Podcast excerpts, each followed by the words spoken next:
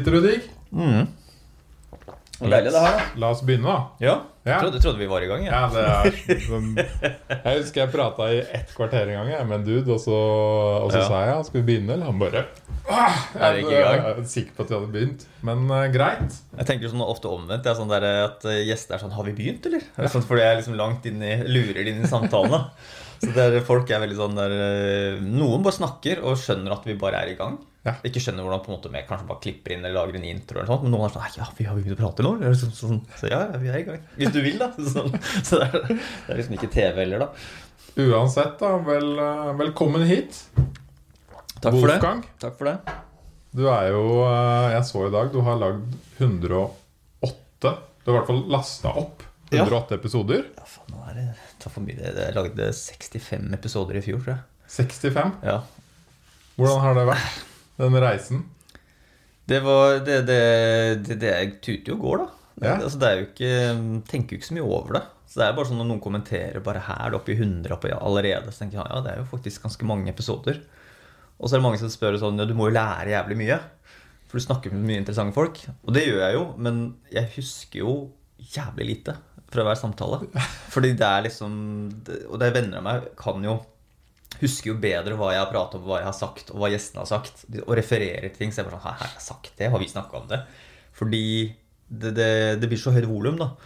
Og du glemmer liksom de store uh, samtaleemnene som Og det er ofte samme gjestene går inn på det samme tematikken, identitetspolitikk eller eh, økonomi eller et eller annet sånt. Så er det sånn der, eller film og TV. Så er det sånn der, da, da sklir liksom informasjonen inn i hverandre. Og, du, og, og så blir det vel sånn at du, du gjør deg klar for neste samtale. da Spesielt hvis jeg har en litt sånn gjev gjest, så liker jeg å forberede meg sånn to-tre dager før. Begynne å høre på podcaster, begynne å tenke i huet, skrive ned liksom noen smarte spørsmål kanskje her og der. Og så uh, begynner liksom den der neste episodeprosessen litt tidlig, da. Hvis det er en kompis eller en enkel kjendis eller noe sånt, så, så, så kan jeg liksom bare, da kan jeg bare dukke opp liksom uten, helt uforberedt.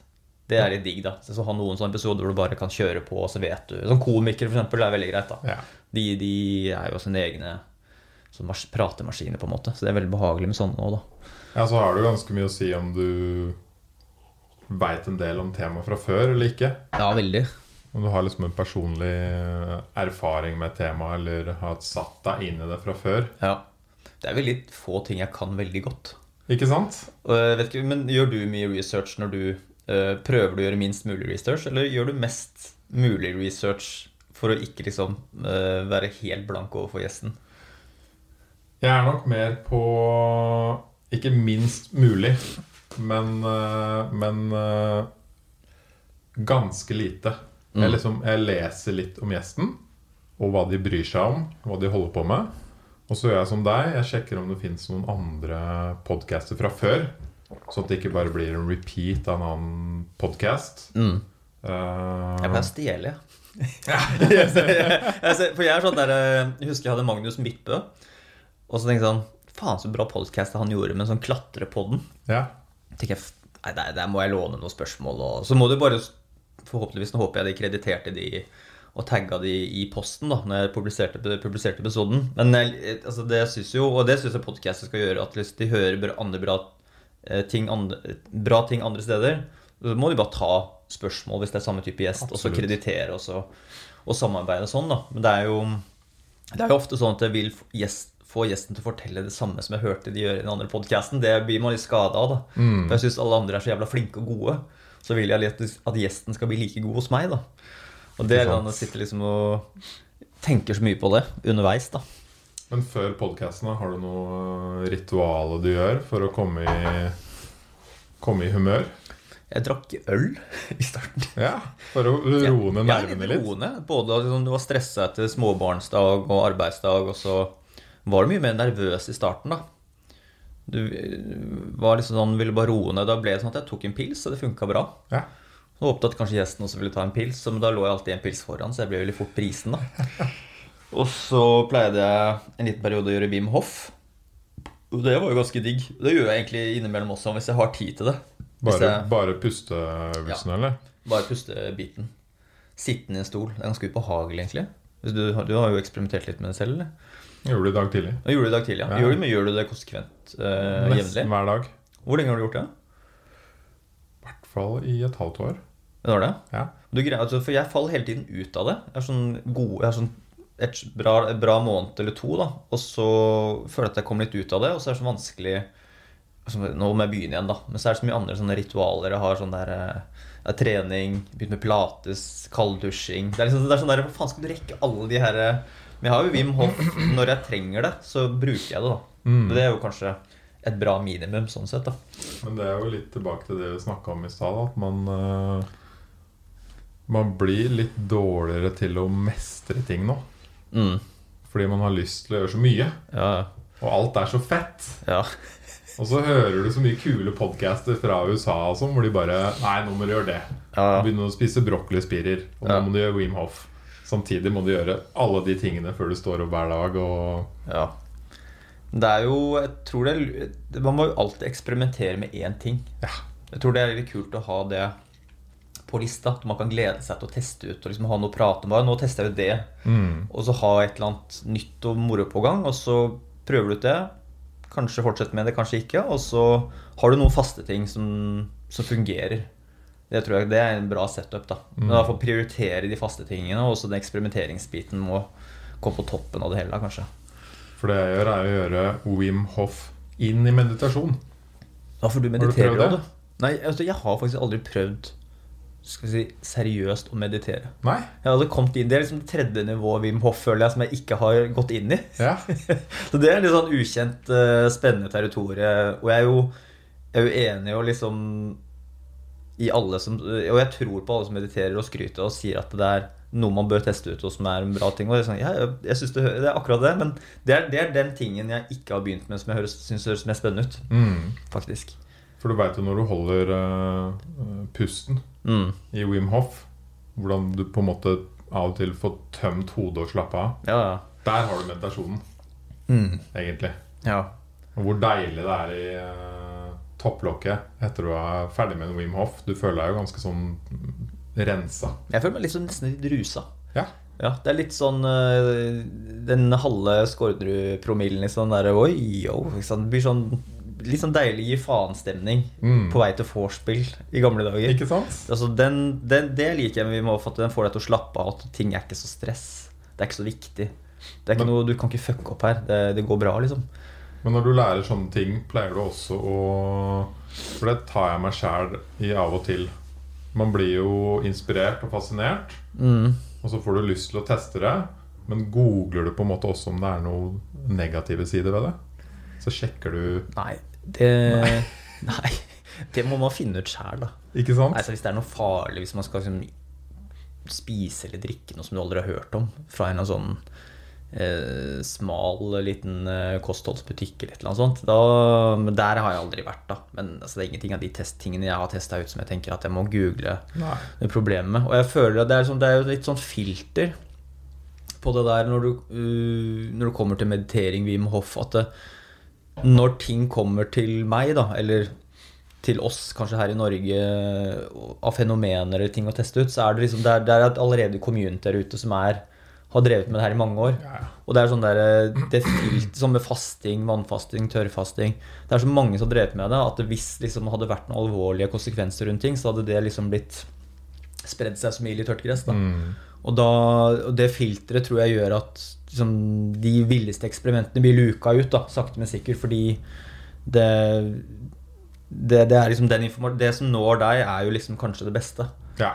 Med mindre du møter en helt avantgarde person som bor for seg selv, altså som tester ut helt ekstreme ting. Sånn Pimp Lotion, eller han Thomas Trapp Huse, han er jo litt sånn type som ligger et hestehode foran alle andre, eller som ligger veldig langt foran å teste ut ekstreme ting. da Så for hans del så er jo det filteret kanskje ikke så lett å finne. Fordi det er, det er ikke så mye informasjon. Så med tørrfasting og sånn, så sleit han med å finne Det er jo da, for de som måtte lure på det, det er jo da fasting uten å spise og drikke. Da sleit han med å finne liksom tilstrekkelig god informasjon rundt det, for det var ikke så mange som hadde skrevet om det. Litteraturen her er ikke så, er ikke så, så god, da. Og da er det jo liksom, fant en sånn russisk bok om det som var litt, sånn litt shady. Så da må det jo Da er det jo lurt å alliere seg med litt sånn folk som kan Ja, kan litt om kroppen og sånt òg, da, før du Mm. Men sånne, sånne ting som som jeg tester ut, og sånn, sånn med kroppen og trening og sånt, det er liksom det er ganske safe. Jeg tror det har gått gjennom så mange filter at det, Så jeg bekymrer meg veldig lite over det. da Sånn som jeg bare spiser masse. Så spiser jeg sju biffer i uka. Jeg ser ikke noe, ser ikke noe fare med det, liksom. Ja, er, du på, er du på biffen? Ja, jeg er på biffen. Spiste Ja. biff i går. Den var jævla god, altså. Er Hver dag?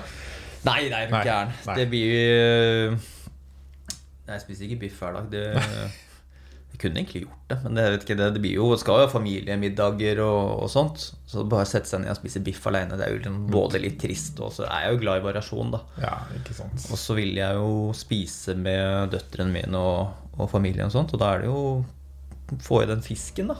Mm. Så vi, vi har jo ikke noe problem med det, men det er jo å spise fiskemiddag sammen. Det er sånn der, Når jentene mine spiser fisk, så det da, da føler jeg meg litt lykkelig. Det er Ja. sånn, det er sånn Faen, dette her er bra, altså. Her spiser jentene fisk, kos. og det er ikke noe klaging. Og det er sånn Her har jeg vært god far. Mm. Krysser jeg det i boksen, da. Så det er eh, Nei, det, det spising er jo interessant, det, men jeg syns det er mest interessant å høre på folk som lever ekstremt rundt mat, Ja. enn å være så ekstrem på det selv. Jeg er bare sånn der, jeg ser Du har jo hatt litt episoder rundt med karbohydrater og sånt. Og, så jeg er mest opptatt av den biten der å ikke få i meg for mye kostfiber. For da blir du sittende og drite hele dagen, som Mm. Tor Gota sier. Og så er jeg mest opptatt av å få i meg så mye fett, mye proteiner og ikke så mye karbohydrater. Altså Det jeg syns er vanskelig Det er noen ting som er obvious med mat. Mm. Det er ikke spis prosessert mat. ikke sant? Ja, ja. Det, det er skjønt. Ja. Det er ikke så vanskelig. Uh, men så kan du møte en vegan som er jævlig smart, Mm. og som klarer liksom å fortelle deg at det er dritsunt å være vegan. Mm. Eller du kan se en dokumentar. Ja. Og uka etterpå så møter du en keto-konge ikke sant? Ja. som forteller deg hvor sykt bra det er å være keto. Mm. Og Jeg klarer aldri å, å lande på noen av de greiene der, og heller, som du Mm. sier, da Jeg klarer ikke å bestemme meg for å være 100% enten-eller, Mm. men ha noe imellom. Ja. Det er fort gjort å bli forelska i sånne guruer og talspersoner. Da, fordi de har, de har ofte sånn sinnssyk aura, disse personene her. At de kan få deg inn liksom, i de villeste ting. Og det er, liksom, det er ikke rart at de drar med seg mye folk, sånne, de beste guruene. Og liksom, talspersonene for enten kjøtt eller altså, grønt bevegelser. Da, så er det, de får jo med seg folk på de sykeste ting. Ja. Bare se på. Wim Hof-bevegelsen nå. Så det er jo fort gjort å bli forelska i hele universet der og begynne å sveve rundt i rommet sammen med Wim Hof, liksom. Og så er det hele livet. Mm. Men det er sånn, det er, det er sånn der, man må gå tilbake til bare sånn, hva er det som gjør får helsa til å funke, og hva er det man tenker både sånn der, litt sånn Hva er det mennesker har gjort som forhistorie som vi Som det jeg har vanskelig for å tro kan være noe feil med? Eksempel spise eh, storfe, vilt kjøtt, sånne ting. Det sliter jeg litt med å se liksom, hva, hvorfor det, det skal være eh, så farlig. da, Og det her med metta fett og, og den type ting. Og at det, som jeg har faktisk lagd en episode nå med eh, han professor Birger Svius. Mm. Hvor vi går gjennom hele det her med hva er fett. da Og det er superinteressant. Og det blir jo nesten sånn en endeløs confirmation bias for min del. da Hvor, hvor liksom der karbohydratene blir den store synderen, kanskje endelig. da Eller hvor Ikke sant? At det kanskje snur på et eller annet tidspunkt. Ikke det at det er sånn Jeg elsker jo uh, karbohydrater. Bakst og brød og, og, og Altså, det beste jeg vet, er jo nybakt brød Det er så godt. med brunost og H-melk. Ja, Jeg drikker H-melk fra kartongen. igjen, Det er jo Sluk. litt beist der. Men det er, eh, men det er, altså det, det er ikke noe mål å se, men det er, det er den der eh, Spise masse biff, det, syns jeg bare det, det, er enk, det er den beste fastfooden jeg kan tenke meg. Mm. Etter en god treningsdag eller et eller annet sånt, så det er sånn der Ok, hvis jeg har bare døtta i meg liksom vært lat og tatt en frokost, sånn kornmiks med melk og kanskje noen rosiner oppi og fått mye, mye søtt, da, kanskje noe bakst og brødskiver, så er det sånn, ok, men runde av dagen med en biff da, Mm. da har jeg balansert hele greia, føler jeg, da. Så det er ehm, Men eh, så har jeg jo tenkt på liksom, skal jeg gå og prøve ut sånn her eh, en måned med å være vegetarianer, en måned bare kjøtt, men det er sånn eh, og det kan bli sånn bra YouTube-content. Og det liksom, Da blir det plutselig veldig sånn konseptuelt rundt Skal jeg, skal jeg utsette meg dette for å liksom selge meg Altså lage video på det? Og så er det sånn Det blir Det er litt sånn Det, det krever ganske mye, da. Jeg har hørt det. med folk som, som At den pla, planlegging Ja, du har gjort det? Ja. Ja, En måned vegetarianer i januar, du gjorde det? og en måned veganer i februar. Ja. Heter det noe spesielt? For jeg har hørt veldig mange har- gjort den der en måned med hver. Jeg veit ikke, men jeg Nei. tenkte det var greit å liksom trappe opp litt forsiktig. Ja.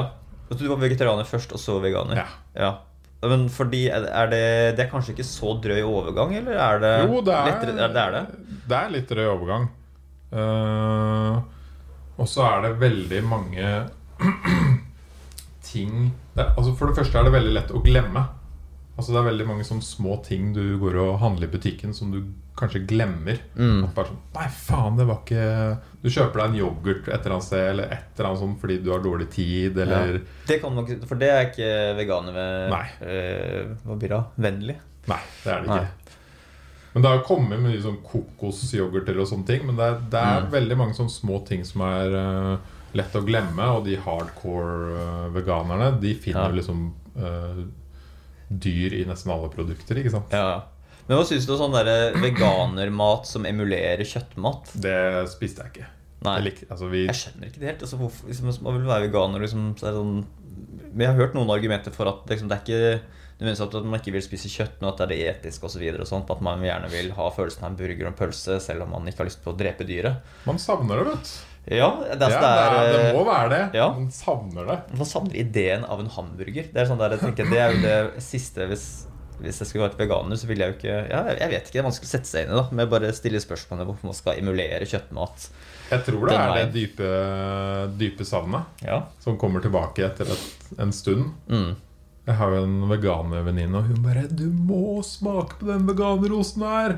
Til en, når vi var på en, sånn en, en liten gjeng samla, og vi smakte og bare «Åh, Ja, det er helt jævlig. Det her var Hæ?! Og vi bare skjønte at det er så lenge siden du har smakt ost. Mm. Det er derfor. Ja.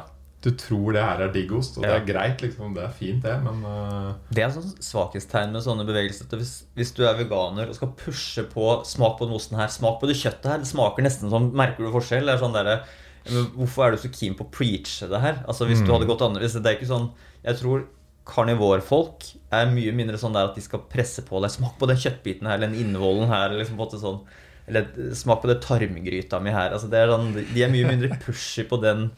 Og jeg, det, tror jeg er fors- det er sånn der, Jeg mistenker at det er mye mer er mye mer sånn symbol øh, og politikk og øh, at det handler mye om eh, å gjøre riktige ting og være på den vegetarianer-veganer-siden. Mens karnivor er et mye mer ego egoistisk prosjekt, syns jeg. Sånn du, bare, du vil se hva som skjer med kroppen. Altså, det er mitt inntrykk av de, som, de to ekstremene. da At karnivorfolk er mye mer sånn jeg ville bare se hva det her gjør med kroppen. Jeg driter i hva folk syns. Og det, jeg bare tester det ut for min egen del. da Og jeg driver ikke og preacher på det.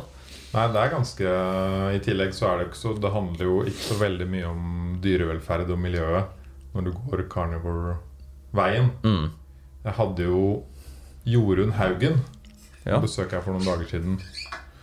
Og hun gikk jo undercover i grise- og kyllingindustrien i fem år. Og ga ut dokumentar. Stemmer det. Og det er jo De tingene hun sier Det frister ikke å spise kjøtt hver dag etter å ha snakka med hun. Eh, vi, hva var det hun sa? Vi dreper 76 millioner kyllinger i året i Norge. Ja. Det er ganske heftig. Jeg, jeg, jeg, er ganske ferdig med industrielt svin og kylling. Ikke sant? Altså jeg, eh, og det, det er sånn ikke fra Og ikke nødvendigvis fra den Fra det ene holdet og det, altså det er jo og, det, og de avdekningene der har egentlig ikke så, liksom, gjort så inntrykk Eller det har gjort inntrykk, selvfølgelig, men det har ikke liksom påvirka meg i samme grad som å snakke med f.eks. han som driver med regenerativt landbruk, som jeg hadde nylig. Og det er sånn Man tenker over forskjellen på eh, virkelige beitedyr som lever fritt og spiser gress og kvister og altså sauer, storfe, Driter og pisser hvor de vil og koser seg. Lever mer eller mindre ganske normale dyreliv, da, skal vi si, innenfor, uh, innenfor visse grenser. Så er det sånn det industrielle grisen og kyllingene Og han mente jo at det er jo ikke kjøtt Hvis dyret spiser sånne ettårige vekster, Nei. så er det sånn som soya og masse, så er det ikke kjøtt. Det er jo sånn, litt sånn provoserende å si, da, men det er jo Jeg får sette på spissen, og det er sånn der det, jeg, vil jeg, jeg vil ikke ha den type kjøtt. Og så er det jo ekstremt magert i tillegg. Som er sånn Hvorfor skal vi spise så jævlig magert kjøtt? Er det så jævla viktig? Jeg har jo lyst på fettet. Jeg vil ha fettet fra entrecôten eller Og så Eller- vi i tillegg skattepenger for å holde prisen nede. Ja, gjør vi det? På Ja, svin og kylling? Mm. Ja, Det der vet jeg vel litt om. Nei, så det, det lærte hun meg, da. Ja. At uh, en del av våre skattepenger går til uh, bøndene for å holde prisene på Mm. kylling og svin lavt. Yes. Det er klart, det som koster lite, er jo ofte det folk kjøper. Mm. Det sier jo seg selv når vi dreper uh, 76 millioner uh, kyllinger. Mm. Uh, og så er det et eller annet med, som du sier Ikke sant, Følelsen rundt deg er én ting. Mm. Det, det blir så mye slakta, og de har det helt jævlig og blir torturert og hele den pakka der. Og den andre tingen er rett og slett smak. Mm. Hvordan er det det egentlig smaker når du En, en sånn prior kyllingfilet smaker ikke mye. Nei, jeg skulle gjerne tatt blindtest på Altså et, en kylling som Eller en høne som hadde levd eh, Altså høne, altså kjærkre som hadde levd i sitt naturlige element, da, og Mm. mot en sånn industriell eh, vanninjisert eh, kjøttstykke. Ikke sant? Og det med, og det med, sånn, med svin òg. Det er veldig praktisk kjøtt til mange ting og sånt, men det, det er jo det er ikke, også Hvis du setter liksom en indrefilet av svin, eller eh, Så smaker jo jævla lite. Det er liksom nesten sånn fyllkjøtt. Det er fyll. Det er, sånn jo litt som kjøttdeig òg. Det er bare Ja. noe du må fylle på i tillegg. Ja. Det er liksom næring. Og det, det er ikke noe Så du, kan, du må jo krydre en sånn uh, svin, svinepølse, sånn indrefilet eller ytrefilet med helvetes mye krydder for at du skal få noe smak ut av det hele tatt. Mm. Så det er sånn Det, det er sånn ekstremt turnoff. Men dama er fortsatt sånn der Sånn med kylling og sånt, så er det sånn Hun er sånn på svin. Hun har alltid syntes det er kjedelig. Og jeg tenker sånn Nei, men svin er bra, det kan jeg putte i ditt og datt. Og bacon er som unntaket, da. Bacon er, det er jo i en egen klasse omtrent som, som frokostfunksjon med egg og sånt. Men svin har jo alltid vært sånn Nå er jeg er ikke noe case, og ingen har lyst til, å kjøpe noe av det. Men hun er fortsatt på kylling, da. Og det er liksom, hun har lyst til å ha kylling etter å ha trent. Har liksom har lyst til å ha det i de her liksom, salatene sine og sånt. Og det er jo veldig sånn en lett mager, praktisk og for så vidt også praktisk, velsmakende sånn hvis, hvis du blander med ting. Og, så jeg skjønner at hun har lyst til å ha det, men jeg er sånn der, eh, hvis vi skal begynne å kjøpe fjærkre, så vil jeg at vi skal gjøre det gjennom kanskje noen Reko-ringen eller et eller annet. Ja. Så vi har ikke kommet så langt og gjort det ennå. Men jeg tenker, da vil jeg liksom se Er det et stort gap der når det kommer til smak og med fjærkre, da, som kanskje har levd liksom i sitt rette element. Og, Altså Etter jeg hadde snakka med hun, mm, så har jeg, jeg snakka med mye keto-folk som også har vært på podkasten her. Og da fikk jeg litt inntrykk av at det de gjør, er jo en veldig eh, luksusting. da mm, Å gå rundt og si at man skal spise masse kjøtt og fett. Og, ja. og samtidig, på jorda burde vi faktisk spise litt mindre kjøtt. mm. Uh, stemmer det overens med han du hadde på besøk? Han Regenerativt landbruk? Nei uh... sa han på en måte noe om at Nei, der, der er det jo litt av ideen å få beitedyrene tilbake igjen for å, f å f lage jorda bedre. Ja. For å gjøre jorda mer eh, Mer fruktbar. Og bare det å, å få mer jord på jorda gjør jo at du kan binde mer vann. mm, Og da kan du også binde mer karbon i bakken osv. Så, videre. så det er jo et stort klimaspørsmål om, om vi egentlig ser på feil feil ting når vi skal liksom snakke om det her CO2. Dette her kan jeg for lite om, annet enn at gjestene mine har gitt meg liksom noen leksjoner. Men det er jo Vi eh, fokuserer veldig mye på CO2 liksom, som, i, altså, som uh, gassproblemet med, med global oppvarming, men kanskje vel så mye å hente på det her med binding, altså med vann, da, vanndamp. Hvor mye påvirker det klimaet? Og hvis vi kan få bedre jord som binder mer vann og, og karbon i bakken, så vil jo det også uh,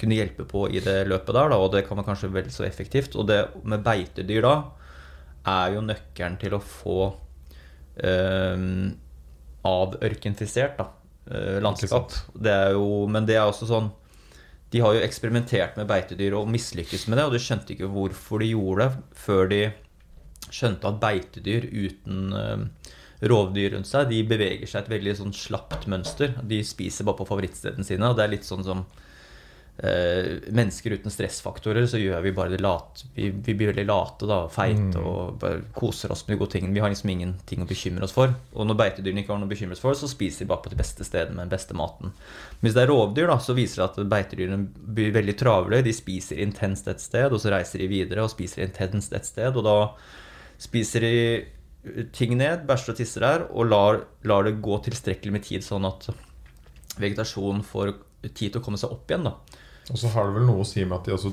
tråkker i jorda, var det ikke det òg? Jo, det er jo, ja, det Det er er mange sånne faktorer faktorer som gjør at eh, det er bra for jorda. Ja. Spesielt det med bæsjing og tissing, og Ja. at de Så nøkkelen er at det må være veldig intens eh, stress for naturen på et visst område. Sånn at de beiter veldig hardt et sted, og så går de videre. Ja. Er fordi rovdyrene rundt de krever at de holder seg i en flokk som beveger seg kjapt rundt. Da. Så det er jo en, det er jo en kjempestor greie, og jeg syns det er jævlig interessant det der med å høre det perspektivet som veldig få snakker om. da. Så du den Netflix-dokumentaren. Som handler om Jeg tror den heter Earth, eller Jord, eller et eller annet sånt. Mm, nei, den tror Den ikke jeg har sett. Den handler om akkurat det. Det er så sjukt når vi blar gjennom Netflix, og så blar vi og blar vi, blar vi og blar vi, ja, og vi finner ingenting å se på. Og så er det sånn, så, som deg nå, bare sånn Men det er Netflix-dokumentaren, så var sånn Ja, det, det er den vi burde sett på i går, når vi satt og bladde gjennom Netflix i tre kvarter. Og var ferdig med vinflaska før vi satt på sant? så er det sånn, når du, når du sitter i Viaplay eller Netflix eller hva faen det er, altså, sånn sitter og browser, og så finner du ikke det du Alle de tipsene du har fått og sånn, de, de, de drukner jo i den dritten som er inne på Netflix der. Det er helt forferdelig. Ja. Og så hopper du over til HBO, og så blir det litt samme der, og så er du sånn Åh, Jeg har jo heldigvis da på HBO Jeg jeg har noen hull i CV-en, eh, og det er jo Sopranos nå. Så vi har ikke Bra. sett Sopranos ennå. Så vi er jo i sesong tre eller fire. Så vi har alltid en top notch kvalitetsserie å falle tilbake på når vi ikke har noe annet å se på. da Så det er jo, eh, så det er jo digg når du ser som Netflix spyr ut så inn i helvetes mye drit. Og topplistene er liksom bare de her eh, De, de, de satser jo veldig hardt mot tenårings-, 20-årings Ja, ja, ja. eh, ting og sånt. Og det, jeg hadde sikkert sett på noe det hvis jeg var 21 Helt selv, sikkert. Men, eh, men ja, den dokumentaren har jeg ikke sett. Og det er jo sånn der, eh, det, det er den man prøver å ha lyst til å falle over når man browser. Mm. Men det er kanskje ikke sånn den første ting man trykker på heller når man leter gjennom, gjennom det, da. Du må Kanskje du må gå aktivt inn. Nå er jeg logga inn på dama sin Netflix her i stua. Mm. Og jeg går jo alltid rundt og liker litt sånne ting som jeg liker. Ja, ja. Litt, så nå kommer det opp litt sånn sci-fi-filmer ja. og litt sånn dokumentarer sånn mellom Mm. hennes type ting. Men det, Ja. det er et eller annet med dokumentarer som altså er der, kan være veldig turnoff. Fordi det er akkurat som dokumentarer har blitt litt sånn industrialisert. Veldig. Eh, Det er sånn format, og det er liksom Det er plutselig film, sånn pompøs musikk inni der. Og det er skuespillere. Spesielt sånn der forhistoriske sånn viking. Og nå så jeg på sånn dokumentar om samura- samuraienes historie eller annet sånt. Så første episode Mm. der. Det er helt ny igjen på Netflix, tror jeg. Og det, det sånn, det her må jeg si. Det virka jo veldig spennende. Men så er det liksom fortalt på en sånn overdramatisk eh, måte med masse musikk, skuespillere og så går det liksom ikke i dybden. Og det som er så rart, liksom, når du har hørt en podkast hos Joe Rogan da, om en eller annen som snakker bare toucher innom samurai i tre kvarter, så er det bare så uendelig mye mer givende å høre på Ja. enn å se et skripta samurai-dokumentar som føles så formatert. Da. Jeg tror det er liksom at når et selskap eller en kanal lager en dokumentar, så blir det mye mindre eh, personlig eh, drevet. da det liksom, Hvis det er én regissør eller én skaper som vil ha svar på noe, og kommer du dypt, så graver de på en måte litt sånn som du og jeg ville gjort av personlig interesse. Men så blir det bare sånn vi skal dekke hele historien. Dette er de viktige personene.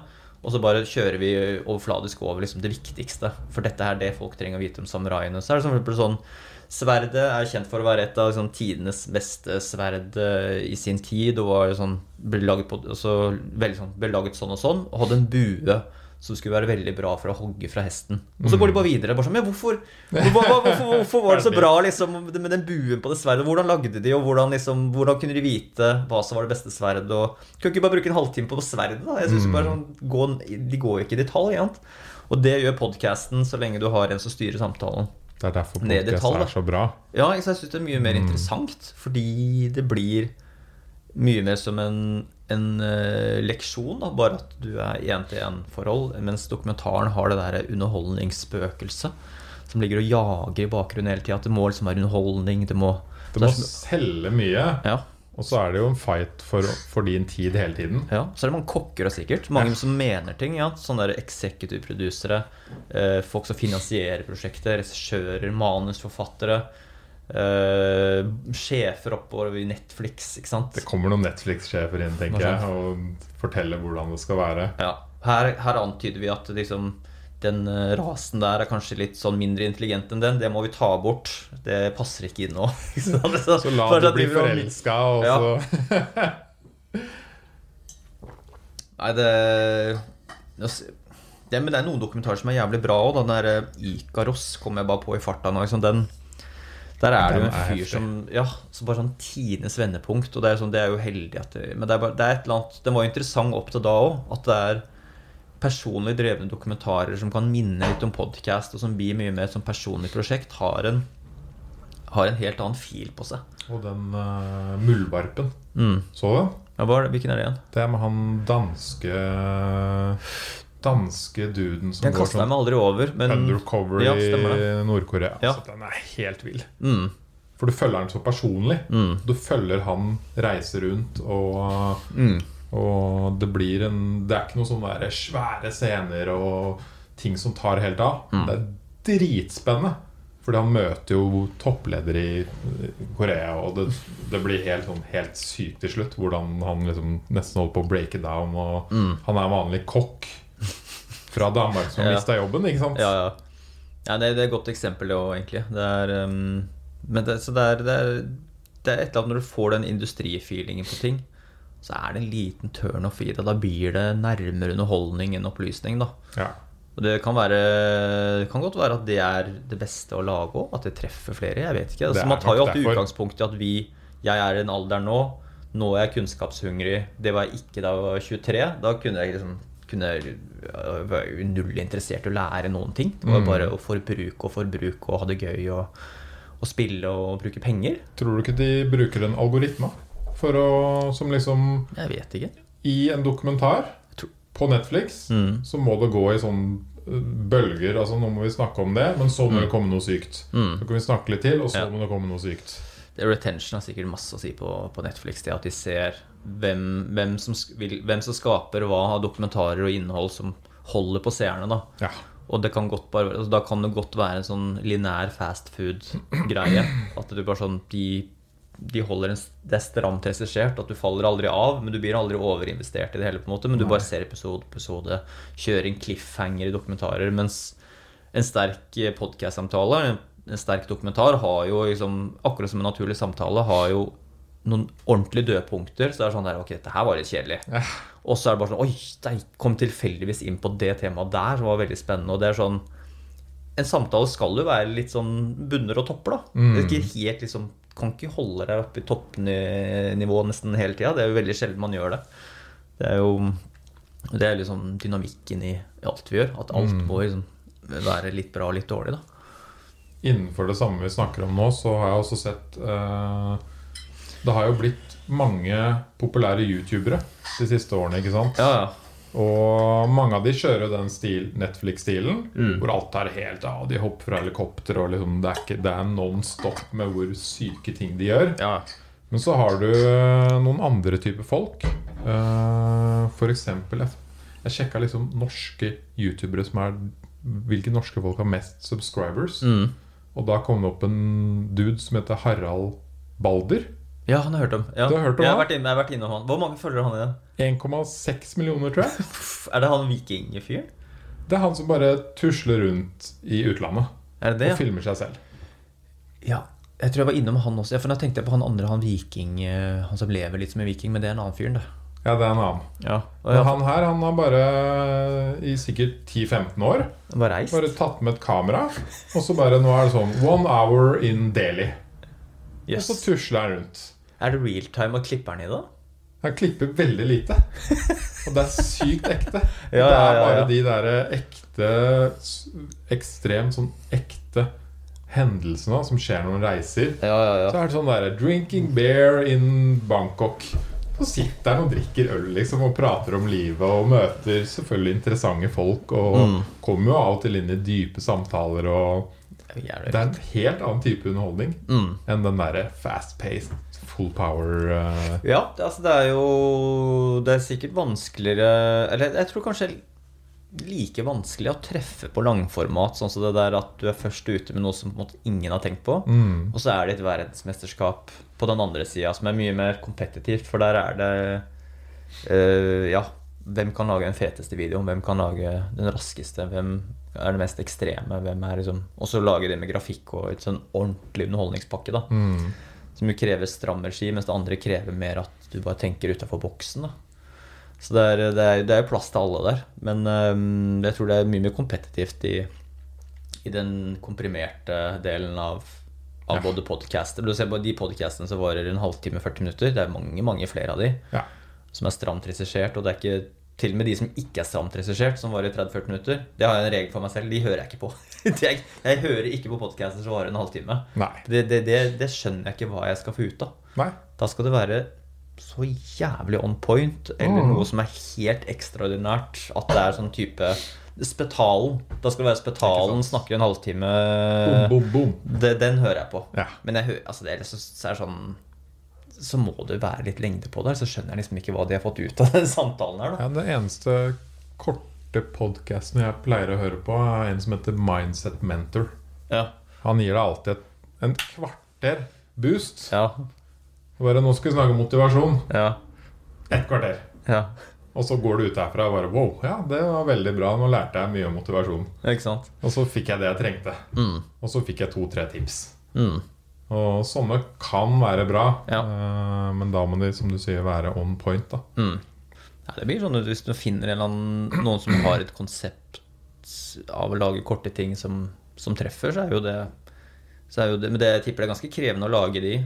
Jeg syns det er ganske lite krevende å ha et format hvor gjestene Det er jo liksom det rare med det her, da.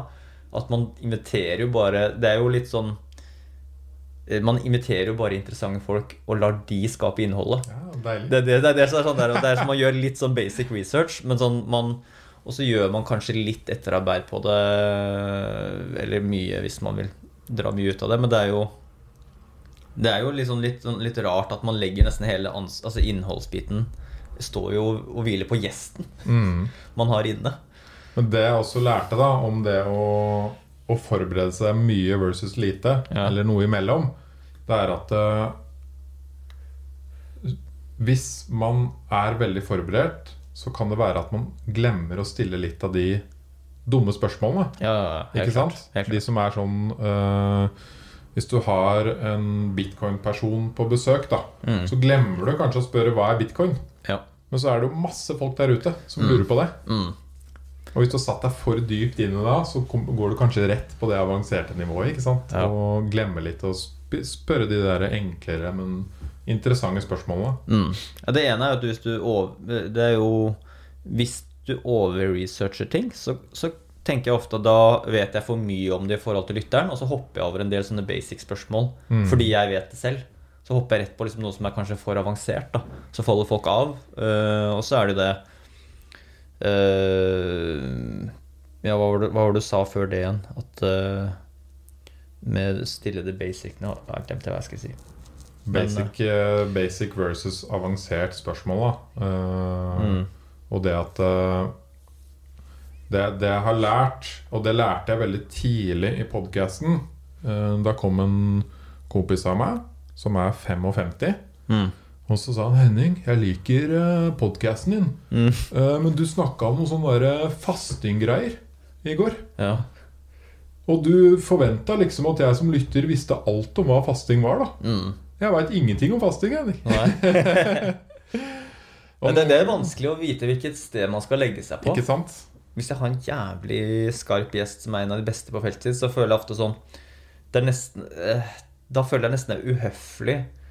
Og bare sånn eh, Hvis du er den beste i området på det du driver med, så har ikke jeg lyst til å gå rett på Det syns jeg er litt vanskelig å, å vite om jeg skal stille basic-spørsmål eller ikke. Mm. Fordi de er der for å gå dypt inn i materie på noe som er noe de kan veldig godt. Og hvis, hvis jeg skulle hatt en ABC innenfor uh, podcasting, f.eks., så ville jeg jo bare det, det kunne jeg hatt mange gjester til å snakke om. Mm. Men hvis man skulle liksom gått inn i liksom det som er det øverste nivået av f.eks. YouTubing, så syns jeg da da er det sånn frekt å spørre hva er YouTube? Ja, det er en, i. så det Det er er vanskelig avveining, det der. da Så det er sånn Mm. der, eh, Jeg ser an gjesten litt sånn der hvis, hvis du skulle for få inn eh, Tangen eller Spetalen eller en sånn helt topp. Da, så sånn, hva- Hva er finans?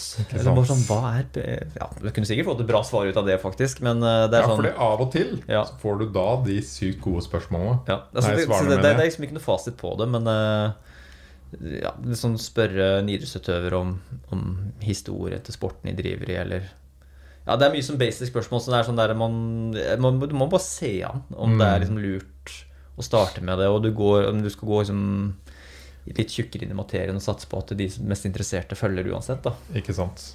Og så må man som lytter av og til sette seg ned og google sjæl. Det er det jeg Ja. tenker òg. Så det er en mellomting.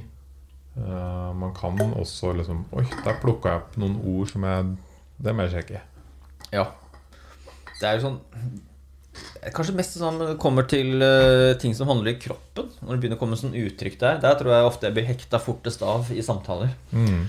Sånn som Joe Rogan når han har sånne der kostholdsfolk og folk som kan sånn Patrick Ronda, de begynner å snakke om da, På engelsk i tillegg. Så da blir det sånn de, Det er så mange ord og uttrykk som du bare ikke har sjanse å følge med på. Da. Mm. Så det, da må du google litt underveis. Da, men ellers så er det jo veldig få ting Man kommer veldig fort inn i samtaler selv med liksom, hvor det er litt så mye uttrykk og sånt. da Det, eneste sånn der, det, det jeg var veldig sånn, husker jeg grua meg til de første sånn, jeg hadde politiske gjester. Og det var sånn der, det var en sånn relieving moment, husker jeg. Sånn, eh, jeg hadde første politiske gjesten min inne, så var sånn Er jeg i stand til å være en voksen samtale om politikk? For det var sånn, det var jeg, for det, jeg hadde veldig lyst til å ha mer og mer politikk liksom inn i, Ja. i, i, som gjester og sånt. Men det er sånn, er jeg kapabel til å snakke om politikk? Altså, øh, uten å virke sånn helt gå på the basics, bare. Eh, så bare, kunne diskutere litt med gjesten. Og liksom bare endelig å komme meg gjennom en av de første episodene der helt i starten av serien, så tenkte jeg sånn Faen, det var deilig, ass. Ja. Jeg greide faktisk å holde en samtale om politikk. Med liksom en sånn En politiker litt oppe i systemet. Da. Så det er sånn, det, det er sånn det, Der stressa jeg mye, liksom. Bare liksom ikke fremstå som idiot da, for, Mm. for gjesten. Det, og da, da gjelder det bare å få gjesten til å prate. Det er jo trikset. At Ja. du liksom der, eh, gjør gjesten god. Fortell mer. Ja, og gjør gjesten god, så blir podkasten bra. Mm. Det er sånn største Det er største oppdagelsen med podcasting. Jeg tror sånn gjestepodcasting. Men du tar ikke noe sånn politisk standpunkt? Eller er du liksom Hvor er du? Er du åpen? Er du lukka? Er du Jeg prøver Prøver, ja. Jeg prøver egentlig å gjøre gjesten god, da. Ja. Og så prøver jeg å For å holde For at det ikke blir intervju, så prøver jeg altså å komme inn med egne erfaringer og lette synspunkter, inntrykk. Mm. Hva jeg måtte ha en følelse av. Stemmer det sånn at jeg jeg ser mye av dette. Er det noe som er riktig, eller er det bare meg? Eller er det litt sånn Prøve å holde samtalen gående sånn sett enn å bare fylle på med spørsmål. Mm. For da, da får du ofte da, da, Når det blir mye spørsmål, så får du ofte svar som ender med et punktum, og så setter de tilbake til deg. Ikke sant? Istedenfor at det blir sånn samtale som bare flyter fram og tilbake, og man kan diskutere. Da merker du at man kikker mye mindre ned i notatene, eller man stresser mindre på hvor det skal jeg ta samtalen videre. Så jo mer samtale jeg greier å få det til å bli, jo mer stress, mindre stresser jeg med at liksom, hva, skal vi, hva, skal si, hva skal jeg si hvis den gjesten slutter å snakke, da. Mm. Så når jeg, intervju, eh, når jeg, jeg snakka med Elden, så var det veldig sånn, da ble det intervju. Fordi han, han svarer så utrolig sånn eh, med punktum. Og det er vanskelig å få til den der dynamiske samtalen når første gang man møtes. Og, og man har lyst til å gjøre han bra, men så blir det, da blir det veldig spørsmålsprega. Da. Og det er vanskelig å få Og når du ikke får den der samtaledynamikken, så blir det veldig sånn Da stiller du et spørsmål, så får du svar. Og så er ordet tilbake på deg. Og så er det sånn øh, Ja. Øh, og så Hva tenker du om øh? da, da blir det sånn øh, Da blir det fort radiointervju, da. Og det er mye mer krevende. Jeg hadde en eh, filosof her Ja, på podkasten. Tenkte jeg filosof. de kan Og prate. jeg Liksom. trenger ikke å si noen ting.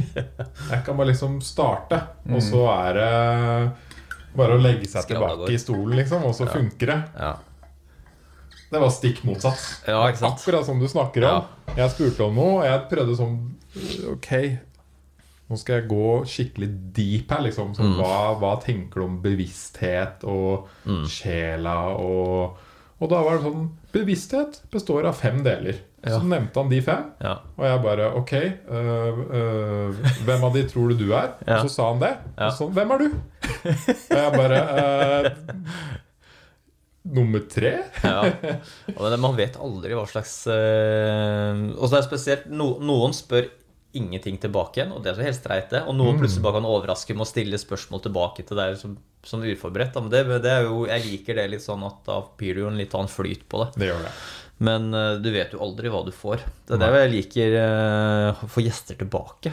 Ja, jeg òg. Det syns jeg er jævlig deilig, for da, da har man forbi, da har man icebreaka, og man har, kan gå liksom løs på et eller annet. Ikke sant? Og så vet du om de er en sånn talker eller talker stopper, eller hva vi skal kalle det for noe. da Mm. Stop talker, som plutselig bare avslutter og setter tilbake til deg. Men eh, hvorfor eh, Hvorfor og hvordan starta du podkasten, da? Det var jo bare å bli sma smartere. Det var jo bare å bli smartere.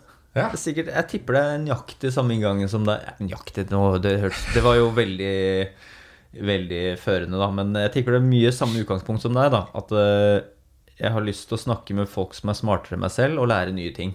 For jeg er i en alder liksom hvor, hvor mye input får jeg. Altså Netflix-dokumentarer og det er sånn Og hvor mange interessante samtaler har man med mennesker? da? Man har noen venner man diskuterer ting med, og så er det man Men lærer jo liksom ikke så mye. Og der, også tenker jeg det er sånn Hvor mange er det som gjør min, mine favoritt amerikanske engelske podder på norsk? Ikke så mange. Og da tenker jeg da Hvis jeg kan snakke med interessante folk og få de inn og, og lære av de og få tørst Altså få slukka den derre den intellektuelle tørsten, eller som bare har lyst til å lære ting. da og, og tenke nytt. Og få nye impulser og få litt juling av gamle ideer og sånt. Så, så var det det som liksom testa det ut. da Ja. og da er det sånn, selv om jeg liksom har litt sånn nettverk med kjente folk og, og som er litt sånn eksponert og, og kjent i media og sånn, så var ikke det liksom øverst på lista nødvendigvis. For liksom det er ikke Det var jo mer som hvilke personer er jeg virkelig kan ha en god samtale med. Det var det ene. Og hvem er det jeg kan lære av. Så det, det er sånn to typer gjester, da. Hvem jeg kan hvem, hvem er det jeg kan skravle interessant med? Mm. som, som kunne vært interessant for andre å høre på. Nesten sånn Clubhouse-style. Og så er det hvem, hvem kunne liksom vært virkelig interessant å bare låne huet til i en og en halv time. da. Ikke sant? Det er liksom to, to litt forskjellige typer gjester. det der. Ja. Jeg merka det tidlig på Joe Rogan, også når han hadde Graham Hancock der inne til å snakke om Amazonas, liksom. Eller om det var en komiker. Det er bra det er to- som ja. Dokumentarpodkast-episode. det. Og de YouTube-klippene der trumfer jo hvilken som helst dokumentar any day. Ja.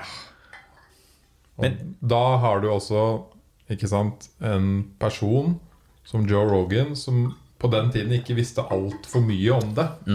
Så han kunne spørre alle spørsmålene Ja. vi ville vite som lyttere. Og det er deilig å høre på. Ja. Du sitter der med et Ja, det spørsmålet jeg har i hodet nå, er litt dumt, men, mm. eller litt enkelt. Ja. Og så stiller Joe Rogan det. Bare ah, digg. Så kan podkastene gjøre en ting som ikke dokumentarer og TV-serier kan gjøre. De kan spekulere. Ja. og komme med teorier. Og ting som er sånn Det er ikke sikkert det er sant, men det, det er noe her, liksom. Og de kan kjøre Ja, være ganske spekulative og komme med ideer som ikke er lov å si i, med mindre du har liksom eh, beviser eller eh, beretninger eller levninger som bekrefter det. da Og det er jo litt gøy med podcasting, at du kan få litt sånn der Hæ, er det sant? Altså, hvor kommer de der de der konstruksjonene innen Amazonas, Altså, så er det tida, Altså, er det, har vi vært eh, tidlige sivilisasjoner, og det er sånn der du begynner å spekulere. Og det er litt gøy, da. Og, det, og du føler at liksom det, er, det er flere liksom, aspekter med, med menneskehistorien som kanskje ikke er fortalt, eller som at det er jo mye politisering. Og det, det er jo litt interessant, da. Men jeg kom på en sånn dokumentar vi, vi, som, som faktisk fungerte veldig godt som i det stramt Jeg bare kom til å tenke på nå, det er slaveriets historie. Den, den syns jeg var jævlig bra. Der er det en ganske stor, komplisert og, og viktig ufortalt del som er, vikt, som er kanskje vanskelig å ta muntlig i en podkast og få det helt korrekt, men den, den fransk dokumentar som heter 'Slaveriets historie', jeg tror det er fire deler, den er jævlig bra. Hvor kan man se den, da? Jeg tror NRK jeg så den. Ja. Og det var sånn eh, Jeg snakka med, med noen gjester om slaveri eh, og slaveriets historie. Og sånn, så det er alltid så mye fokus på den transatlantiske slavehistorien. Og så er det alt det Det er det jeg har lært på skolen, liksom. Det er det jeg husker fra skolen, er jo den biten der. Og så, så snakker du med gjester, og så kan jeg veldig lite om det. Og så så jeg den dokumentaren, og da ble det liksom veldig mye mer interessant å snakke om det, da.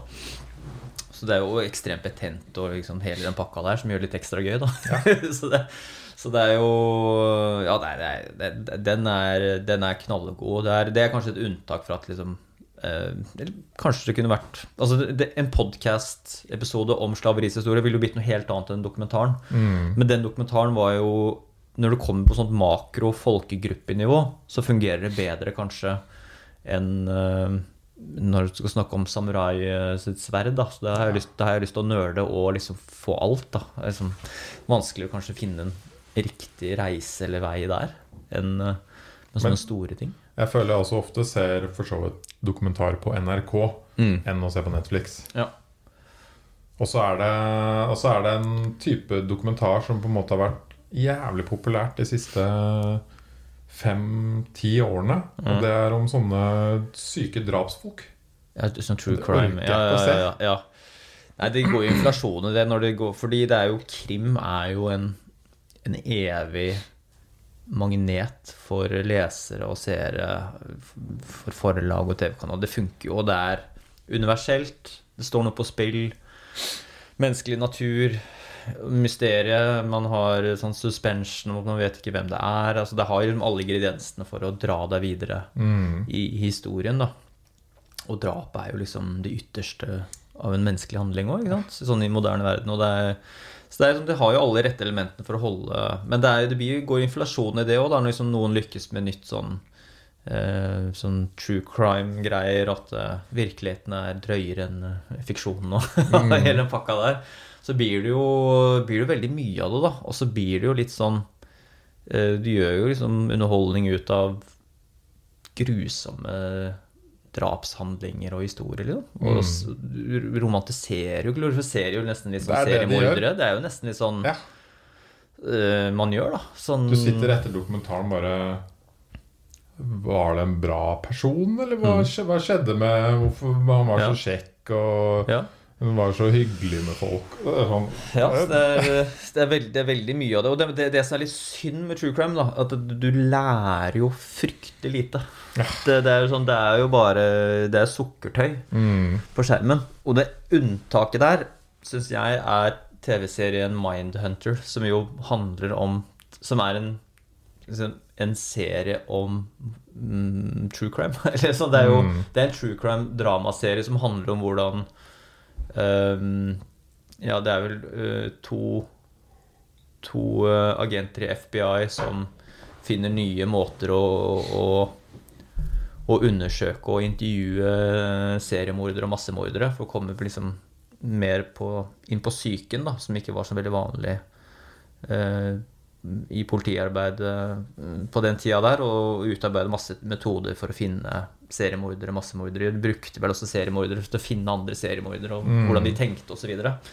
Den, den biten er jo forteller jo historien om hvordan, hvordan de som beste detektivene har uh, forska på seriemordere og greid å utarbeide metoder og teknikker for å finne flere, flere sjuke jævler. Da. Og det er jo, det, den serien der syns jeg er jo knallbra, men ellers så er det jo veldig mye sånn vet ikke, det er liksom de første, Jeg husker jo sånn 'Making Murder' var jo bra, liksom. Det ble jo sugd gjennom det greiene. Hvor sånn absurd det var. Og The Jinx var jo helt fantastisk med den siste avslutningsepisoden og sånt. Men det er jo, det er jo den derre sjokkgreia at det er At vi lever så utrolig fine, stille, verna liv, og så ser vi hvor grusomt det er et eller annet sted at, at familier kan være sånn mot hverandre, eller partnere kan være sånn mot hverandre, og så Oi, steike. Tenk sånn. Ja, det er helt vilt. Så det Nei, det er, sånn, det er jo sånn Folk må jo bare se på det de vil se på, liksom. Og hvis det er et marked for å lage det, så er det Så må du jo bare pumpe på, liksom, til, til det blir det. Det er sånn det funker. Ja. Systemet. ja. Og ikke minst dette med Netflix og De veit jo hva de driver med.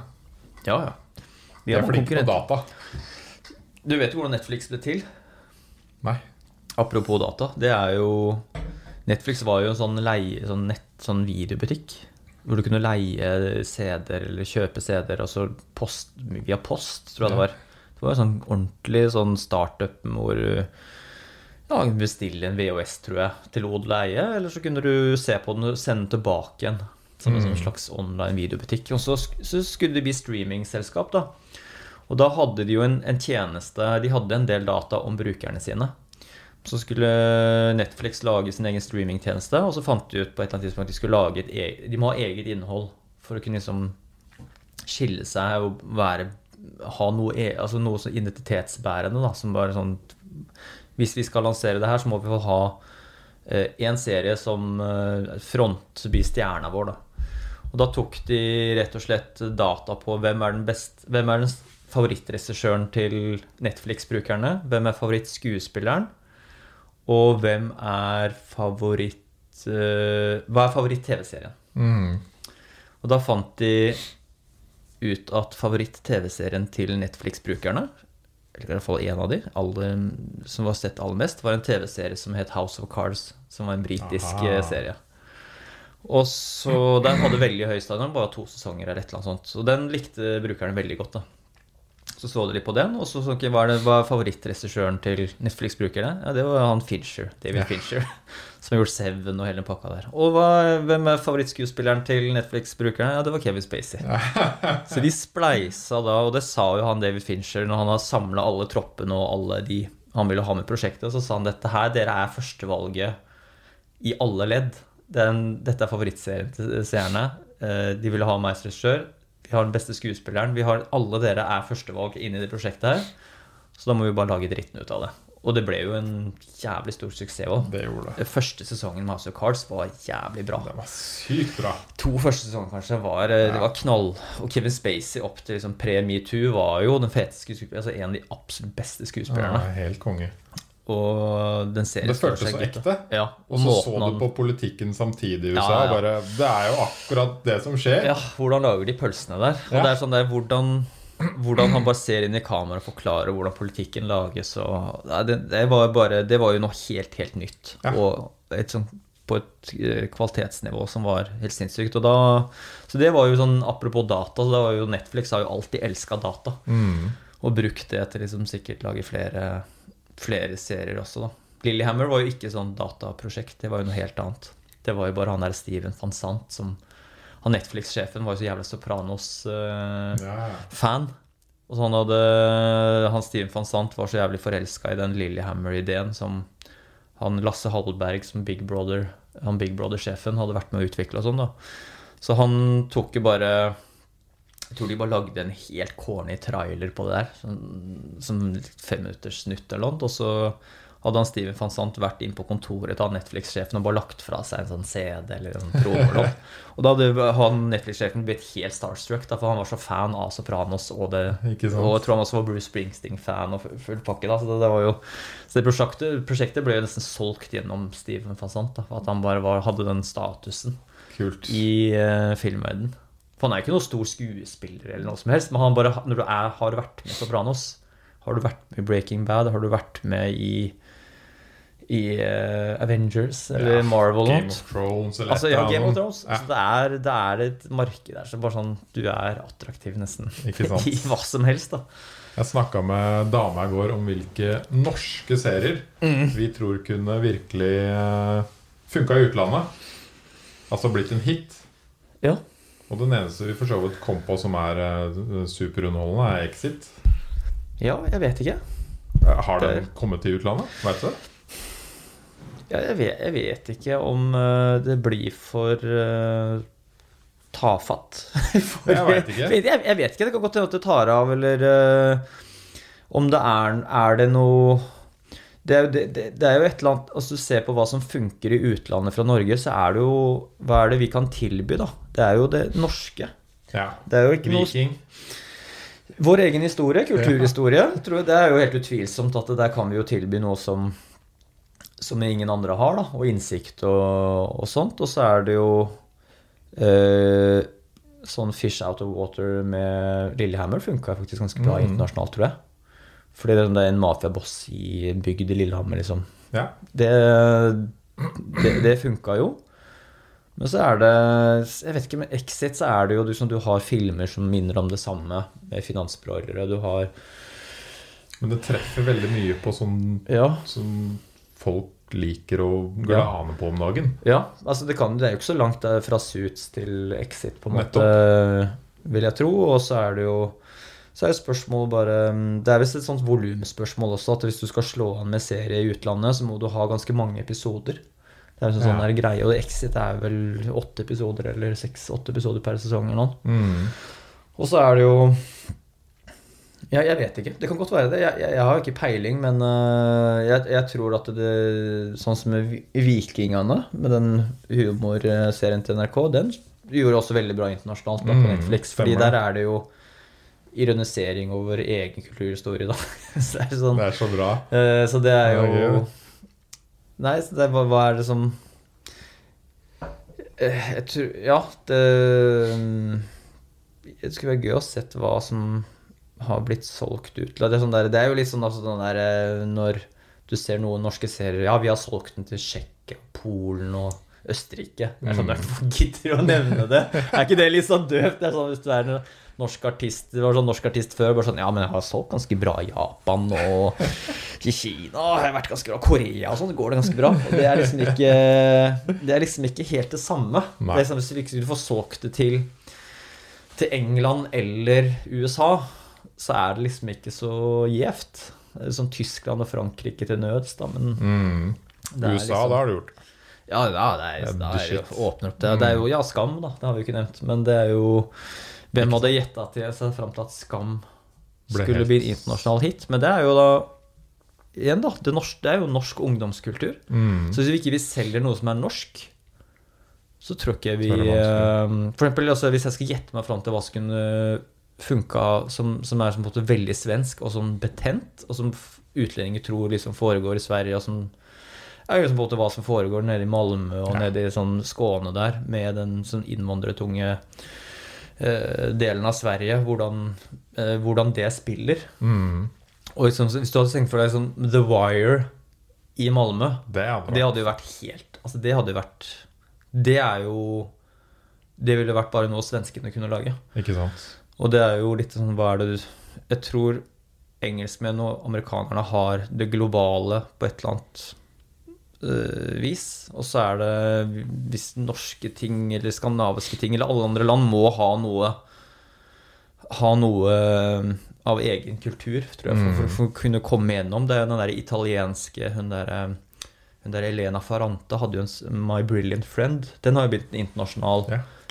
Ja, det er jo selvfølgelig bokserien har lent seg på, men TV-serien har jo blitt superpopulær, og den forteller vel om italiensk etterkrigshistorie fra 60-tallet oppover. Mafiaens inntreden og hele pakka der, som er sånn Der selger liksom italiensk historie og kultur så det holder, da. Ikke sant? Mm. Jeg syns også dette med Bollywood er fascinerende. Ja, ja, ja. For det er jo gigantisk. Yes. Det er så stort. Det er i hvert fall like stort som Hollywood. Ja, ja. Men det er jo kanskje at det er jo så stort i India. Jeg vet ikke om det selger eh, så veldig mye Det gjør det. Gjør det det? Mye rundt i Asia. Gjør det det? Ja, ja, Ja. Det er kjempestort. Akkurat.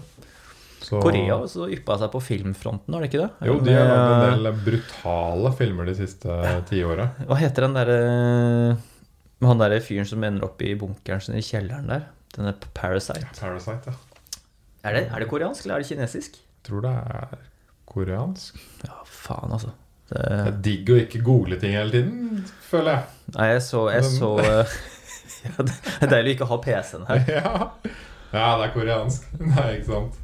Det er sånn toppen av sånn derre eh, norsk ignorant bare sånn Nei, jeg vet da faen hva som er forskjell er på kine, kinesere og sørkoreanere. Og det, det, det er helt Det er samme greie som Det går greit. Jeg så en standup-komiker som greide å liksom nyansere Altså han skulle hjelpe eh, Vesten med å se fors altså, høre forskjellen på sørkoreanere, vietnamesere og, og japanere. Mm. Det var en eller annen måte de snakka på, så det var jævlig funny. Men jeg husker ikke hva han het igjen.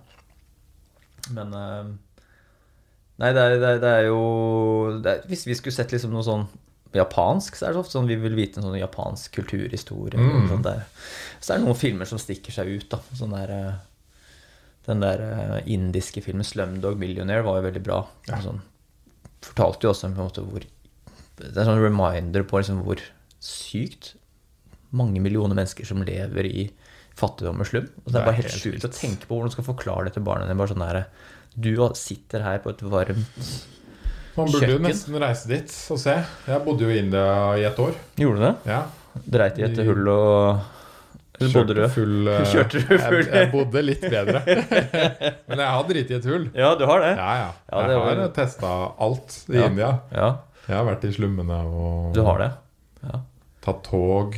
Jeg husker eh, når vi snakker om å drite i et hull Ja. Hvorfor, er det første jeg nevner å drite i et hull? For det er, liksom, er det jeg frykter mest med å dra til India, drite i et hull? Liksom. Det er liksom det, Det er første jeg tenker på. Ja, sånn der det er sånn dopapirgreier rundt covid-19. sånn. Det, er sånn, det er et eller annet med driting og dass og sanitærforhold som er sånn der Det er uh... Men de har jo ofte i Asia spyleren Ja. og ikke dasspapir. Som jeg tror det er vanskelig å si hva som egentlig er best. De syns det er jævlig rart å bruke dasspapir, og syns det er sykt ekkelt. Ja, ja, det er jo det er vel reinest å bruke vann. Skulle tro det. Ja. Jeg har aldri skjønt hvor mye man må spyle, og hvordan man kan sjekke at man er ferdig spylt. liksom Og fungerer liksom på Men det er jo apropos spyling. Nå er vi inne på, vi på den biten. Wim Hoff, vet du. Han har jo noe arr her Ja. på navlen. Og jeg hadde en gjest nå som har lagd doku- lagd en dokumentar med Wim Hoff. Så fortalte Wim Hoff det her, da. Det står visst i biografien hans også. Og det er eh, at han drev rundt eh, litt i yngre dager, så drev han og vaska rasshølet i offentlige fontener i Nederland. Han satte seg i fontener og bare skræva over liksom, sånne fontener. Og bare for liksom skylle anus eller et eller annet sånt. Og da så hadde de hadde han vært borte en stund og kom tilbake til en fontene hvor de hadde skrudd opp trykken og så inn i helvete. Så han liksom skræva over der og tredde seg på den fontenen, så spjæ, altså han fikk jo indre blødninger. Indre organer revna og sånn, så han måtte jo opereres. Og derfor fikk han sånn en haug med sånn sting her, da. Så han revna rett og slett innvendig av å Han har levd et liv. Han er Han har så apropos det der med med, med India og altså, Eller bare i Asia. Jeg vet ikke hvor vanlig det. Liksom, det der med Det der å gå på do i Asia. Det er liksom ekstremt mange sånn fordommer jeg har, liksom hva, hva som er vanlig, og liksom hvor klosett Mm. versus hull og Det er stort sett en, eh, en dass med spyler. mm. I hvert fall de fleste stedene. Ja. Og så kommer du litt ut på landet. Der begynner det å bli litt mer eh, andre løsninger. Mm. Kreative løsninger. Akkurat, ja. Men det er eh, Ja. Det å gå på ramma i India, det går fint. Men hva fikk du, hva satt du igjen med liksom, etter et år i India, da? Du, har lært mye om hvor heldige vi er som er født her. Ja, Det var liksom hovedtingen. Mm. Jeg husker øh, fortsatt Hver gang jeg tenker liksom Å, det er litt kjipt. Ja, ikke sant. Du tenker på at det er kjedelig med, med, med covid og hvordan ting funker her av og til, og, men det er Mm. ingenting mm. i det hele tatt i forhold til hvordan folk har det i, i sånn type land, spesielt når du er fattig. da Ja. Og ekstrem forskjell på fattig og rik, ikke sant? Uh. Ja. og, og noe av det viktigste, som jeg for så vidt har nevnt på podkasten mange ganger før, var jo hvor glade de fattige folka var. ja, ikke sant? Jeg jobba med veldig fattige folk. De ble så å si tatt på, fra gata opp i, opp i kontoret og Mm. lærte opp. Uh, og de var bare så utrolig glade hver dag. Mm. De smilte, og de, led, de lo masse, og de hadde verdens kjedeligste jobb. Men Mm. de var liksom superhappy Mm. for å ha en jobb, ha et tak, liksom ha et sted å være. Mm. Uh, og miljø de- og venner og de bodde typisk i Jeg var jo med mange av de gutta hjem. mm. Og de hadde et sånt rom Ja. på bakken. Mm. Så det var liksom bare rommet satt på bakken. Og jeg bare Hvor sover dere? Nei, vi sover jo her, på bakken. Ja. Jeg bare Wow! Ja. Alle! Ja. Jeg bare, alle bor her. Ja. Og så smilte de og var glade. Liksom ja. Og en ekstrem sånn genuin uh, interesse i å bli kjent og i å, i å prøve å Prøve å uh, være interessert. Mm. Og, og, i, og også det Jeg husker det jeg også satt mye igjen med, var at eh, vi sitter her hele tiden og hører bare på hva som skjer i USA og Europa. ja. De sitter der hele tiden og hører egentlig bare hva som skjer i India og rundt i Asia. Mm. Og får hørt mest om det, ikke sant? Mm. Så det var helt sånn Jeg følte ikke noe med hva som skjedde her eh, på et år. Og det var så deilig. Å få liksom en pause, og det gjorde jo ingenting. Ja, kommer du hjem, og så er det at det har ikke skjedd nesten noen ting liksom, Egentlig du har gått, ikke. så har du gått glipp av. Ikke sant? Mm. Det er litt samme som jeg tenkte om de Trump-årene som har vært nå. Mm. Det er bare sånn Det er borte nå. Ja. Nei, det, det er jo det, det er, eh, Men det, man, vi har jo kanskje liksom sånn der, der Man har seg liksom selv å takke. Man, for det er så veldig lett, som alltid i livet, å skylde på at mediene fòrer oss med ditt og datt og sånt. Men man har jo et det er jo, Man velger jo selv hva man oppsøker. Om man tar opp mobilen sin. Hva er det første du gjør med mobilen? Er det VG? Er det Dagblad? Er det NRK? Altså, hva, hva er det du Eller er det en bruker, ja, hva er det du bruker eh, Hvor er det du henter informasjon og nyheter fra? Liksom? Og det, Hvor henter du fra?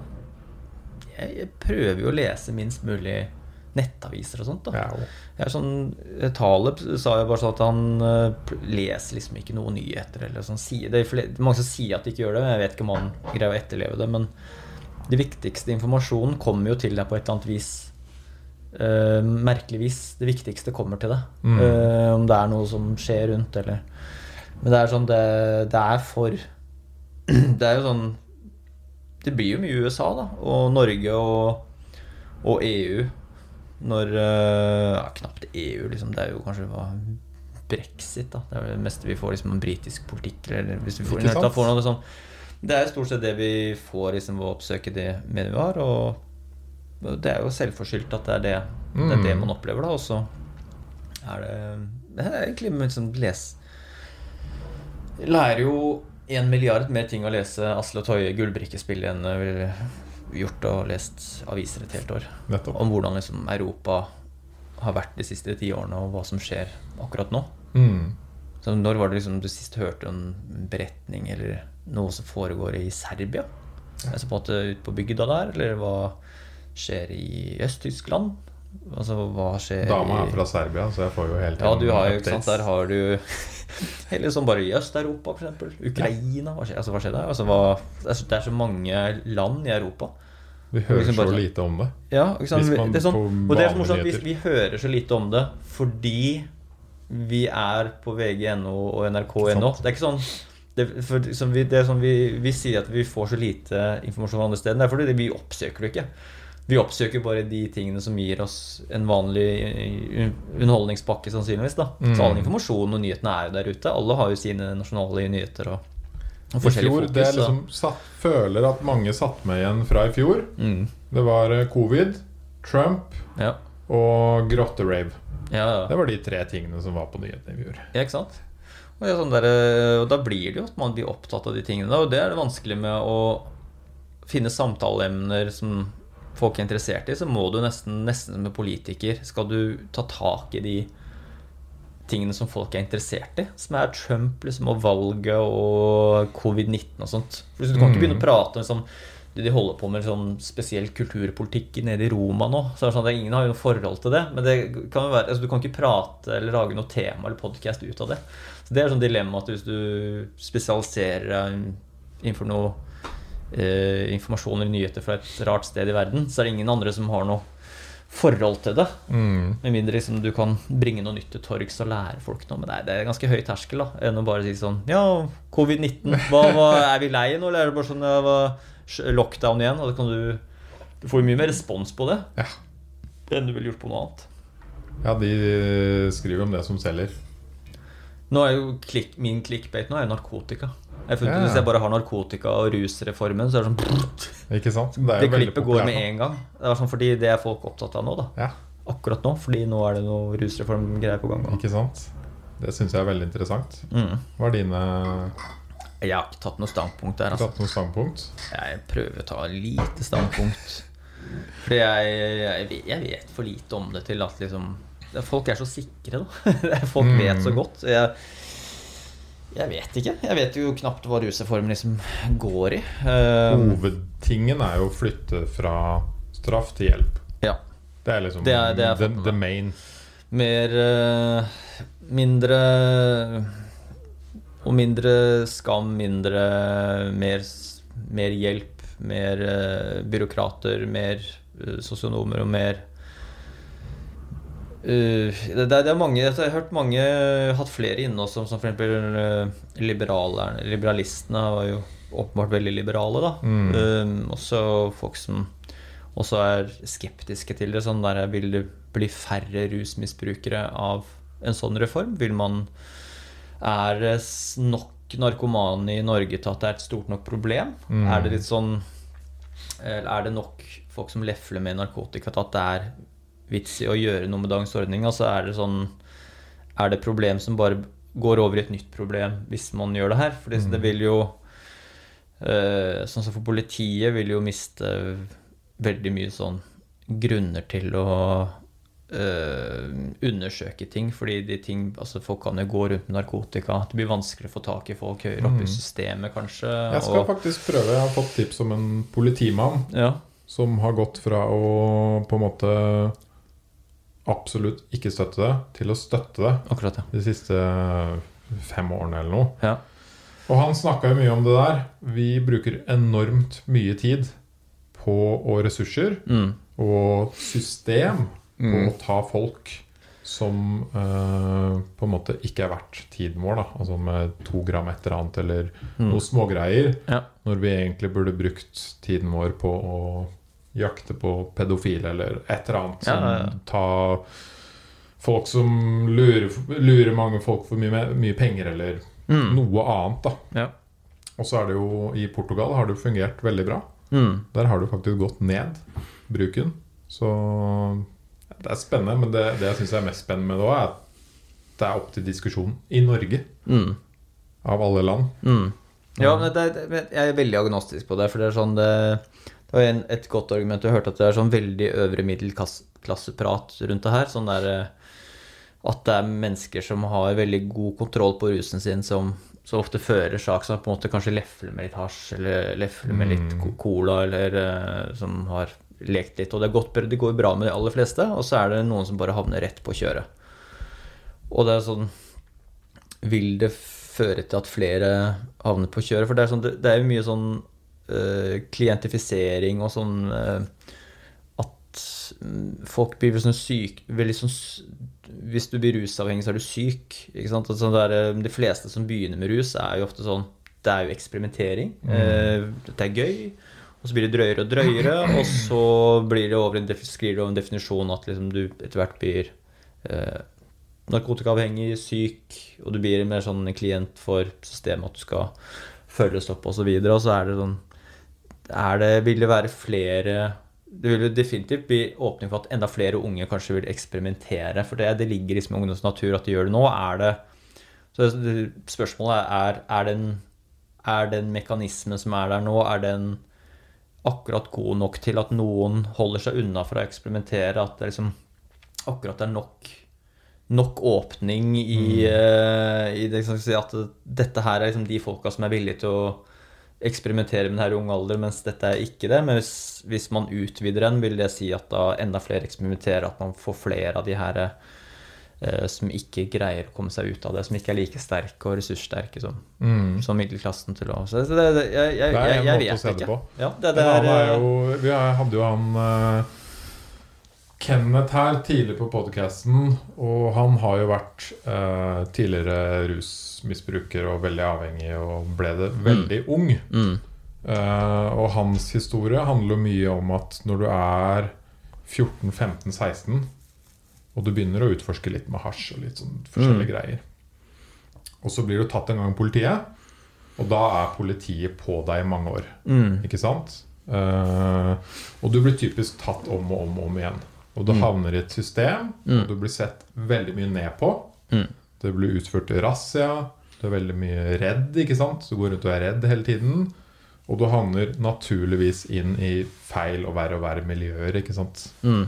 Men er det en konsekvens fra den ene til den andre at, liksom, at man blir redd og, og razziaer, og så at man havner inn i de miljøene? Er, liksom det, er det liksom en sånn naturlig Det veit jeg ikke. Altså det Jeg veit ikke hvordan det henger sammen. Det er jo Mm. forskjellig fra individ til individ. Uh, han sa jo det at når du uh, Når du blir liksom kjent på skolen din, da, Mm. på videregående, at du har blitt raida av razzia og sånn, så tiltrykker du deg en viss type personer, ikke sant? Mm. Folk du henger med. Eh, og han snakka jo mye om det. Han trodde at hvis han heller hadde fått hjelp, og noen prøvde å forstå ham på den tiden, mm. istedenfor å straffe ham, så tror han at at det hadde gått en helt annen vei i livet. da Fortere. Ja. Han kom seg ut av det til slutt, Mm. og han, men han sa jeg, jeg var heldig. Jeg klarte å bestemme meg. Mm. Jeg, og det, det skjedde ikke på noen sånn mag... Eller det skjedde på en magisk måte. Jeg Mm. klarte faktisk å bestemme meg for å slutte etter avrusning og sånn. Mm. Eh, men alle de han har møtt, og nå har han jo jobba med rusmisbrukere i ti år eller noe sånt, sier jo det at den, den straffen og den oppfølgingen og alt det som har med politiet og fengsel og liksom den Du blir sett så ned på av systemet og samfunnet. Mm. Det gjør det at du allerede har et problem, det gjør det bare så utrolig mye verre. Mm. for er du allerede en person som har det kjipt, har et problem, i tillegg blir du sett ned på alle rundt deg og samfunnet og blir straffa. ikke sant? Ja. Så det er jo en annen Ja, det side å se på. Det der er jo Ja. Det, det er enormt mange sånne tragiske historier, og mm. så er jo Det var en som nevnte det var Ole Asbjørn Næss var det som er sist nå, som nevnte Er det Så hva Hva er det som får eh, folk ut i rus, da? Det er han derre Ta Stoltenberg-familien, så er det jo hun Ninni Stoltenberg som jo ble rusmisbrukeren liksom, Mm. i familien. Og, og ifølge sånn Stoltenberg sin biografi så var det jo ble hun mer eller mindre liksom øh, Ja, hadde jo liksom om, utsatt for omsorgssvikt, da.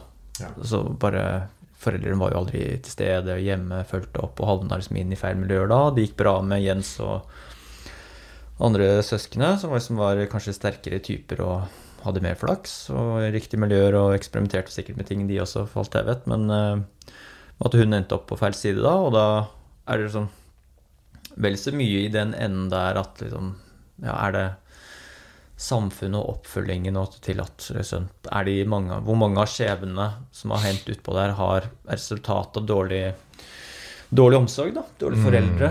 Det er eh, Mye det det kommer av. og det er sånn hva Ikke sant? Og da Det er jo et enormt eksperiment å avkriminalisere noe og sånt også, fordi det er sånn der Jeg, jeg tror hvis man skal Hvis man hvis man eksperimenterer med noe sånt, så er det sånn hva, hva, Det er litt sånn som en midlertidig løsning i politikken. At det er sånn der Er det, er det lett å reversere det her når man først har testa det og det ikke funka?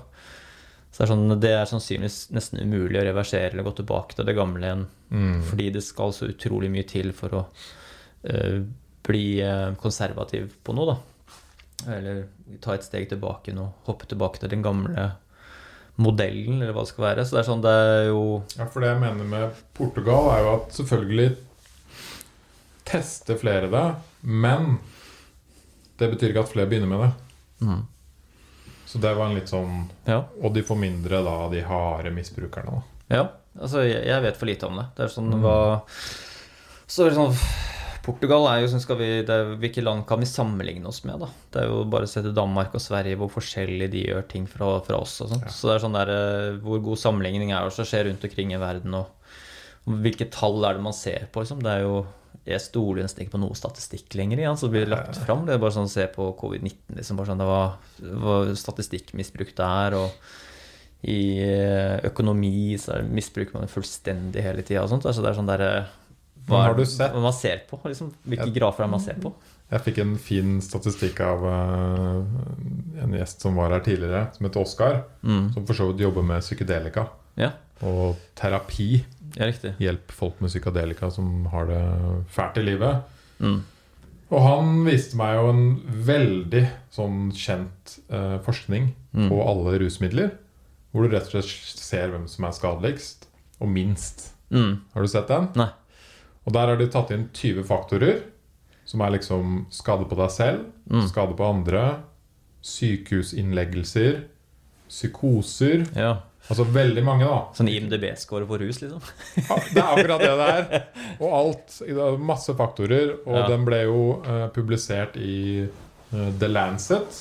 Mm. Og hvis du skal bli publisert der, så er det sånn da må du det blir, Først sender du den inn, og så blir det uh, masse eksperter som ser over tallene, statistikken, alt det du har gjort. Mm.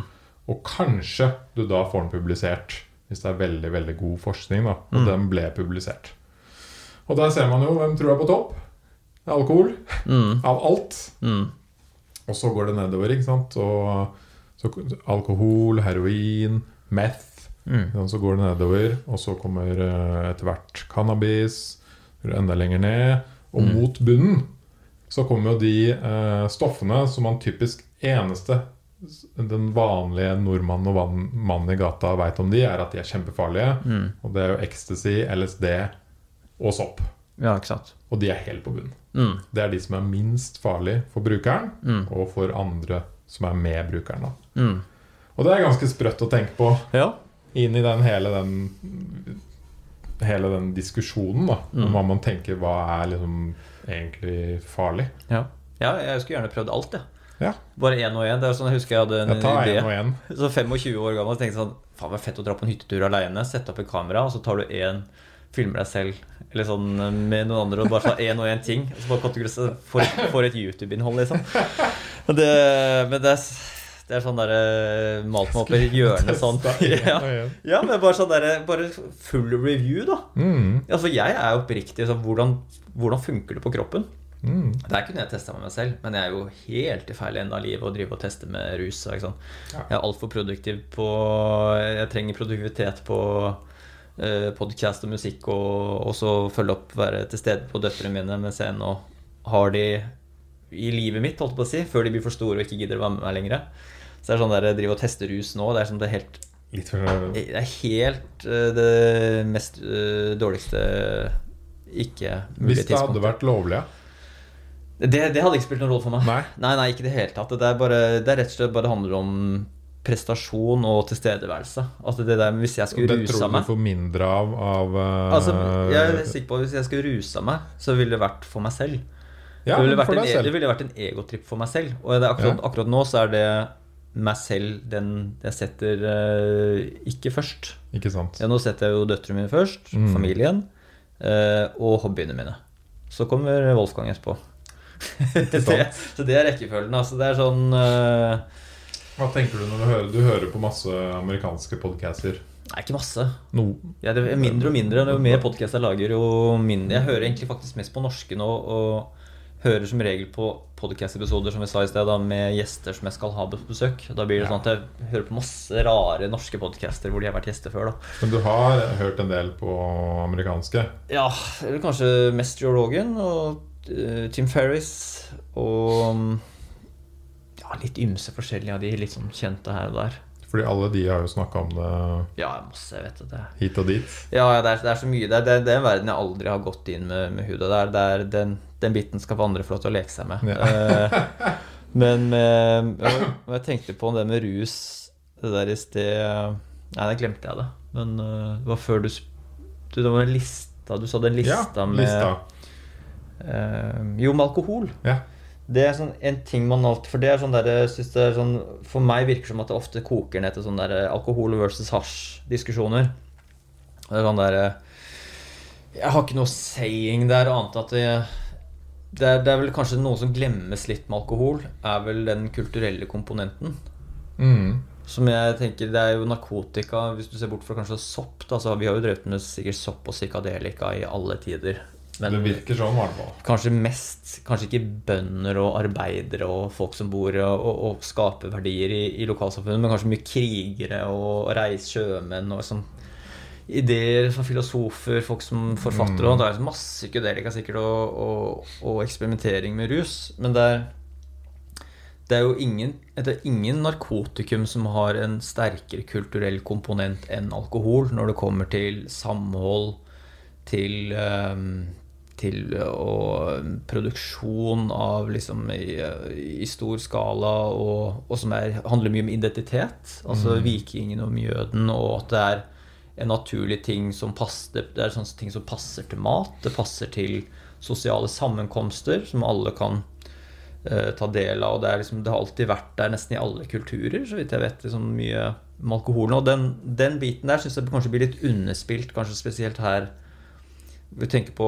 alkoholens rolle i Europa, og da er det sånn fort gjort sånn Ok, for mye alkohol, fylla så det er Mye drit der, mye elendighet i familier og, og, og triste skjebner, men samtidig så er det også en det er, alkohol er er, veldig lindy. Det er jo Mm. veldig sånn Det har alltid vært der, og i forskjellige former, og det er, det er, det Syns jeg, da, uten å ha noen stakes Jeg syns det er et mye mer sofistikert Det er noe mye mer sofistikert med alkohol enn med andre narkotikum. Når det kommer til vin, kommer til øl Mm. og den kulturelle biten. Så er sprit er vel kanskje mye mer en sånn Det er kanskje alkoholens ecstasy, da. Sprit har jo liksom på en måte Det er en sånn Skal vi si eh, Ekstravagant. Det har ett formål. Det er liksom å få deg ordentlig ut av balanse. Det, skal liksom, det er fest, og det er liksom makt, og det er liksom elite, og liksom det er eller trøst, drik, drukne sorger. Det er, liksom, det er mye mer sterkere Spritens funksjon er mye sterkere enn øl og vin, syns jeg, som har en mye Mm. mer du, drikke, du må drikke fryktelig mye vin og øl for å bli først full, og, og det er jo litt dyrt, kanskje vært opp, ja, jeg vet ikke, men mens med sprit trenger du veldig lite for å bli gæren. Ja. Og det er liksom eh, Hvis du skal feste hardt eller gjøre sprø ting, så er det spriten som er liksom eh, go to-greia innenfor alkohol, mens øl og vin har en mye mer hyggebasert um, his, altså historie, hvis du, på sett og vis, da, med tanke på hvis du ser Middelhavet, hvordan de liksom eh, inkorporerer inn i mat og kulturen, Mm. og ett glass her og ett glass der, og liksom utvalget av øl og historie rundt det. Altså det den, det, jeg, jeg bare sånn der eh, Jeg syns det blir litt sånn der eh, Litt epler og pærer når du tar alkohol og, og hasj. Jeg synes det er sånn ja, men den forskningen det- det er var jo på en måte ikke basert på hva du får det mest koselige av. da Nei. Den var jo purely basert på på en måte Skade og Hvor mange har blitt lagt inn, Ja. hvor mange har blitt skada av fulle Mm. folk, eller folk på hasj, ikke sant? Ja. Hvor mange har blitt uh, kommet i psykose eller blitt Ja. gærne. Så, men det er jo, det er jo ren. Skulle, skulle gjerne sett Det var det jeg sa til han. En lik forskning på hva som Mm. gjør deg mest glad. Ja. Det tror jeg heller ikke hadde vært alkohol. da Det er mitt uh... Det er det, det, med statistikk. da det, Alkohol nytes jo ekstremt mange også. Så hvor er andel, andelen som virkelig misbruker alkohol, kontra de som hvor mange som drikker det? Det er jo også, må jo være forsvinnende liten, da, Ja. egentlig. Kanskje. Sånn, og sånn der, uh... Hva er misbruk, ikke sant? Man, men det er jo også sikkert mange narkotikum som er mye, mye bedre enn alkohol når det kommer til bilkjøring, f.eks. Sånn, alkohol har jo den ganske elendige eh, eh, historie der, for å si det sånn. Så det er jo Men det er Ja, det er jo Det, det er sånn der, det er sånn der det, det jeg syns er litt for slitt å si den der Hvis alkohol var funnet, funnet opp i dag, så er det sånn det hadde blitt forbudt. jeg er helt Det enig. Det er, ja, men det er sånn alle, det, alle ville, det, man, det er vanskelig å være uenig i det, men det er sånn Hva skal man bruke det filosofiske spørsmålet til? Det er sånn, alkoholen har jo en historie som er evig, evig lang, og er en Mm. kulturell komponent. Og det er mye mer interessant enn at hvis alkoholen plutselig har dukka opp nå, så er det sånn Ja vel. Hva, det, men det er jo liksom et veldig hypot... Altså det er ikke hypotetisk engang. Det er bare sånn tank, Det er tankeeksperiment, bare, da. Hvis det hadde blitt avkriminalisert, da Mm. Kanskje man på en måte hadde jevna det ut litt med liksom Dette er alkoholhelga, Ja. og så kommer da weed-helga en, en annen helg hvor du skal du ligge og kose og spise god mat og på en annen måte. Ja. Men liksom, hvorfor har alkoholen vunnet, da? Vi har jo hatt rusmidler i, i tu, ti, tu, ja, tusenvis, titusenvis av år i forskjellige verdensdeler, og sånt, men det er liksom alkoholen som har liksom Men kanskje før det? Var det noe annet? Jeg, jeg, jeg vet det vet, jo, det Altså, vet vi jo ikke. Det må jo ha vært sopp, sopp og altså det, det er helt basic en sånn sopp øh, og eksperimentering med med naturens råvarer. Det må jo ha vært det første. Ja, ja, ja. kompl- Altså det, de, det er helt utrolig at de har funnet fram måter på å brygge og lage vin og så finne, lage Og du sprit og spiste sånn. Altså nok det sånn, mye før det. For det var jo bare å gå og teste. Og så bare Wow, den i går! Ja. Og bær Den. som eh, gjærer seg og jeg vet ikke, det er sånn Men det, ja, det er jo um, Hva skal jeg si? Det der med alkoholen, sånn der forbudstiden i USA og sånt òg. Det har jo aldri vært drukket så mye alkohol, og har aldri vært så mange barer i USA som under forbudstiden. Nei. Som bare sånn ja, som både sier at når du gjør ting forbudt, så blir det jo enda mer populært. Og Tror du det er samme med weed?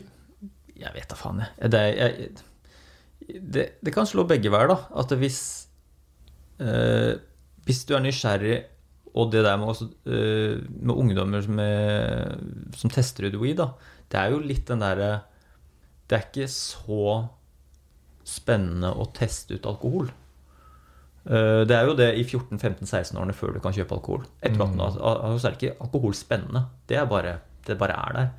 Men hvis man sier at marihuana og hasj ikke blir spennende lenger, at det er bare sånn det er null risiko forbundet med det i forhold til liksom at det er ulovlig, eller at spenningsfaktoren eh, faktoren synker veldig, så vil jo noe annet erstatte den spennings, eh, det spenningsvakuumet, kanskje. da Og hva blir det, da? Det er sannsynligvis kanskje noe som er eh, hakket over, og som er drøyere.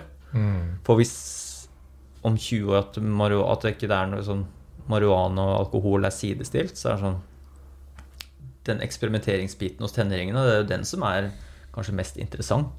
For de vil alltid gå for noe som er litt utilgjengelig for dem, for å løsrive Ja, på et sånt opprør. Og hvis ikke marihuana og hasj er opprør lenger, hva, hva blir neste? Altså, hva er det neste hva er opprørsnivået? For det er sånn å, har du bare røyka litt hasj i kveld? Ja, men det går bra. Du har ikke rørt noe annet. Sånn. Du har ikke, det er ikke noe amfetamin eller ecstasy i kveld. Ja, men da, ja, men, da går det greit, ikke sant. Så, så da er det Men hvis, hvis, hvis rusreformen går gjennom, da, mm.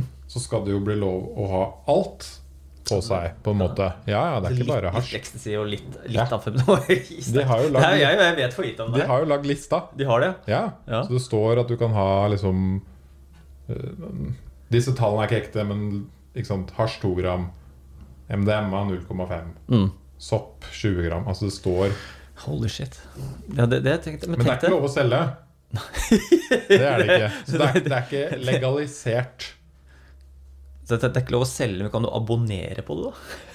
Så det, det kommer mye sånn der Nei, jeg, jeg selger ikke. Jeg bare, jeg bare, jeg bare leier ut, jeg. Fodora med dop på. Ja, men tenk sånn derre og så er det sånn der, Jeg har jo lenge sånn spekulert på at det kommer jeg, jeg tror aldri det kommer til å skje, da, men bare sånn hva om faktisk sånn pedofili Da blir det sånn nye At de skal beskyttes. At liksom på en måte man finner ut at det er et eller annet sånn genetisk med pedofile. At de sånn Ok, nå er det skambelagt å snakke stygt om de. Jeg tror det aldri kommer til å skje. Eh, Jeg kan ikke se for meg det, men se på en sånn arbeidsplass. da, bare sånn Faen, Henning, er du, er du rusa, eller?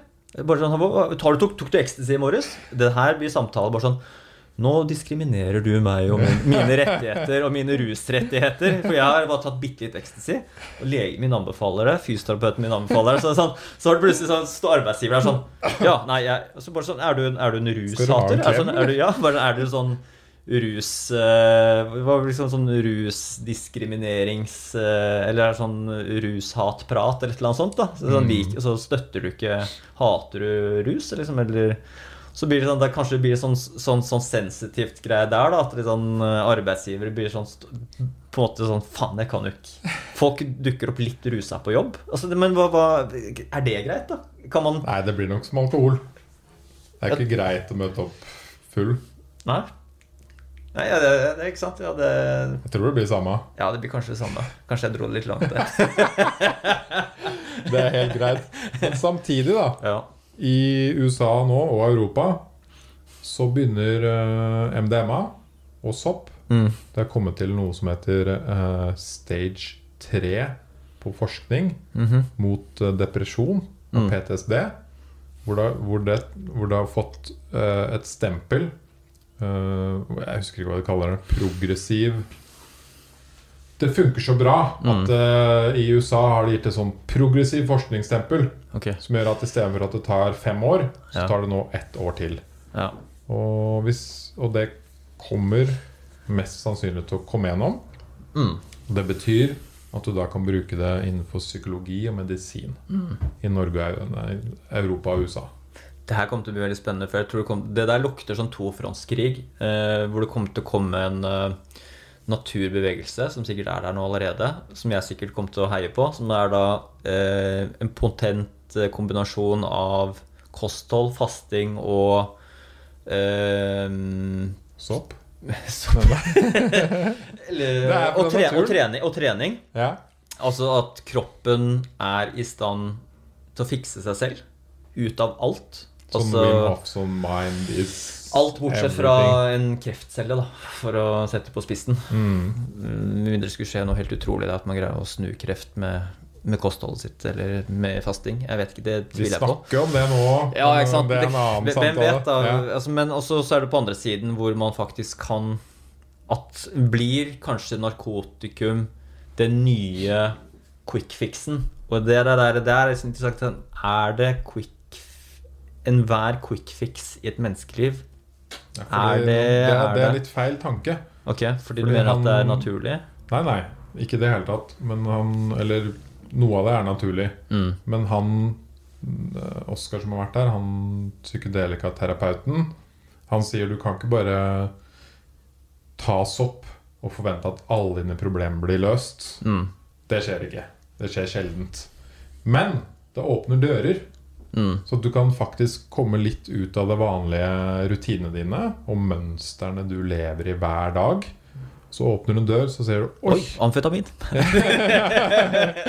Nei, oi, jeg kan faktisk Jeg kan faktisk tenke litt annerledes på det. Ja. Jeg kan gjøre noe annet i livet, men jeg må jobbe for det etterpå. Så det er ikke som at du kan på en måte ta øh, Du kan ikke trene én dag i måneden og forvente at du blir trent. Det er en prosess videre. Mm.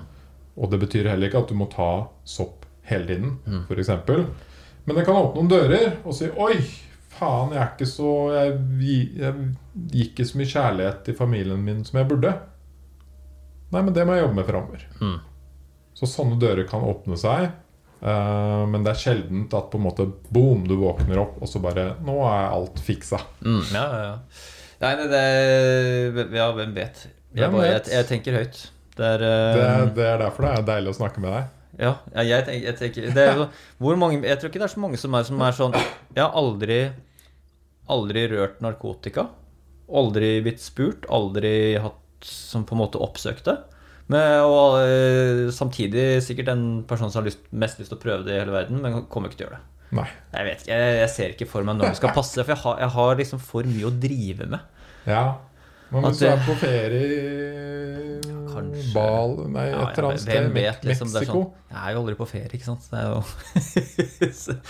Ja, hvem vet. Altså, det blir sikkert. Men uh, da må det liksom uh, Ja, Vi det får må ta oss en tur, være, vi to, da. Til være- Amazonas. Lage en liten dokumentar. lage litt YouTube-innhold. Ja, men det er sånn derre Hvis, hvis vi først Ja. Det er når prioriteringene blir annerledes, da. Det er sånn der, Ja. Hvem vet? da når sånn, Jeg tror jo Jeg innbiller meg at den dagen jeg blir økonomisk uavhengig Den dagen kommer jo. Om man er 45 eller 95. Jeg vet ikke. Mm. Et eller annet sted mellom der kommer det jo. Og så kommer det til et tidspunkt, et hvor unger ikke Barn er viktig for meg, men det jo, de kommer jo ikke til å være avhengig eller har lyst til å være med meg. Og kanskje til og med kona vil meg. Så det er liksom, da er det jo plutselig mye fritid å, å Mm. kose seg med. Og det er ikke vits å liksom pumpe på med fire podcaster i uka når du, er, når du har en bra podkast og økonomisk uavhengig. Da. Så kanskje da.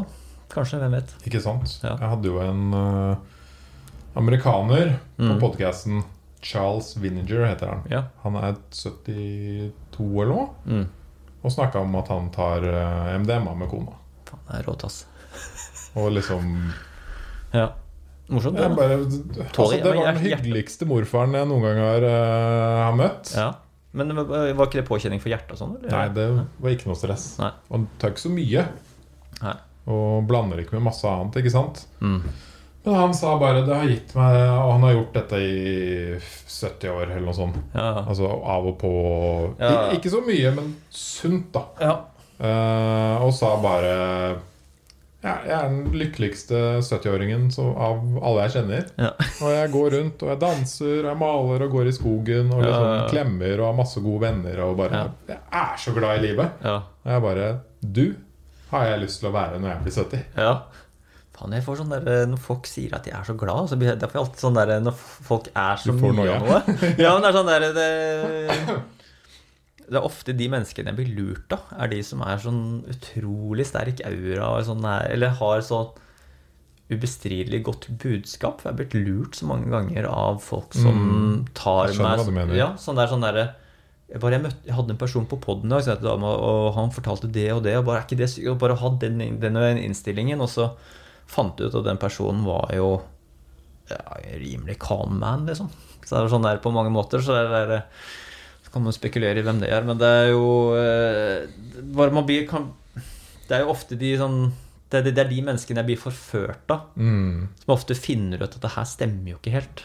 Han sa for så vidt også, bare for å ikke disse Charlie her, da, Ja, at uh, livet går opp og ned. ja Ikke sant? ikke sant? Hvis man det var han helt ærlig om. Ja, Eh, men han har fortsatt sagt det har gitt meg en annen type boost på lykka ja. i disse humpene av og til i livet. Ja, ja. Det, er- hvis man greier å introdusere negative, så kjøper jeg innsalget mye mer. Mm. Da, da sitter historien mye bedre hos meg. Ja, når man ser sånne folk som smiler og rister hele tiden, så begynner man å lure. Det er liksom, du, du får ikke den der Det er et eller annet med Petter Stordalen. Du vet ikke, altså det er et eller annet Når du ser de videoene og snakker inn i kameraet der, det er intenst. Altså. Det, er Det er enn, det er noe annet enn å se ja, en eller annen person gjøre det samme. Mm. Det er noe Ja, det er noe, det er noe der. Men dude, det Ja. er gøy å lage podkast om dagen, eller? Ja, ja det er koser meg. Ja, Syns ikke du også det er herlig? det er helt konge. Ja. Det var veldig gøy å være her, da. Det er jo å se hvordan du lager det og Møter du Jeg er faktisk veldig lite podkastgjest hos andre. Det, mm, det har vært, dette er vel første gang, tror jeg, hvor jeg, liksom jeg gjør podkast-podkast. Yes.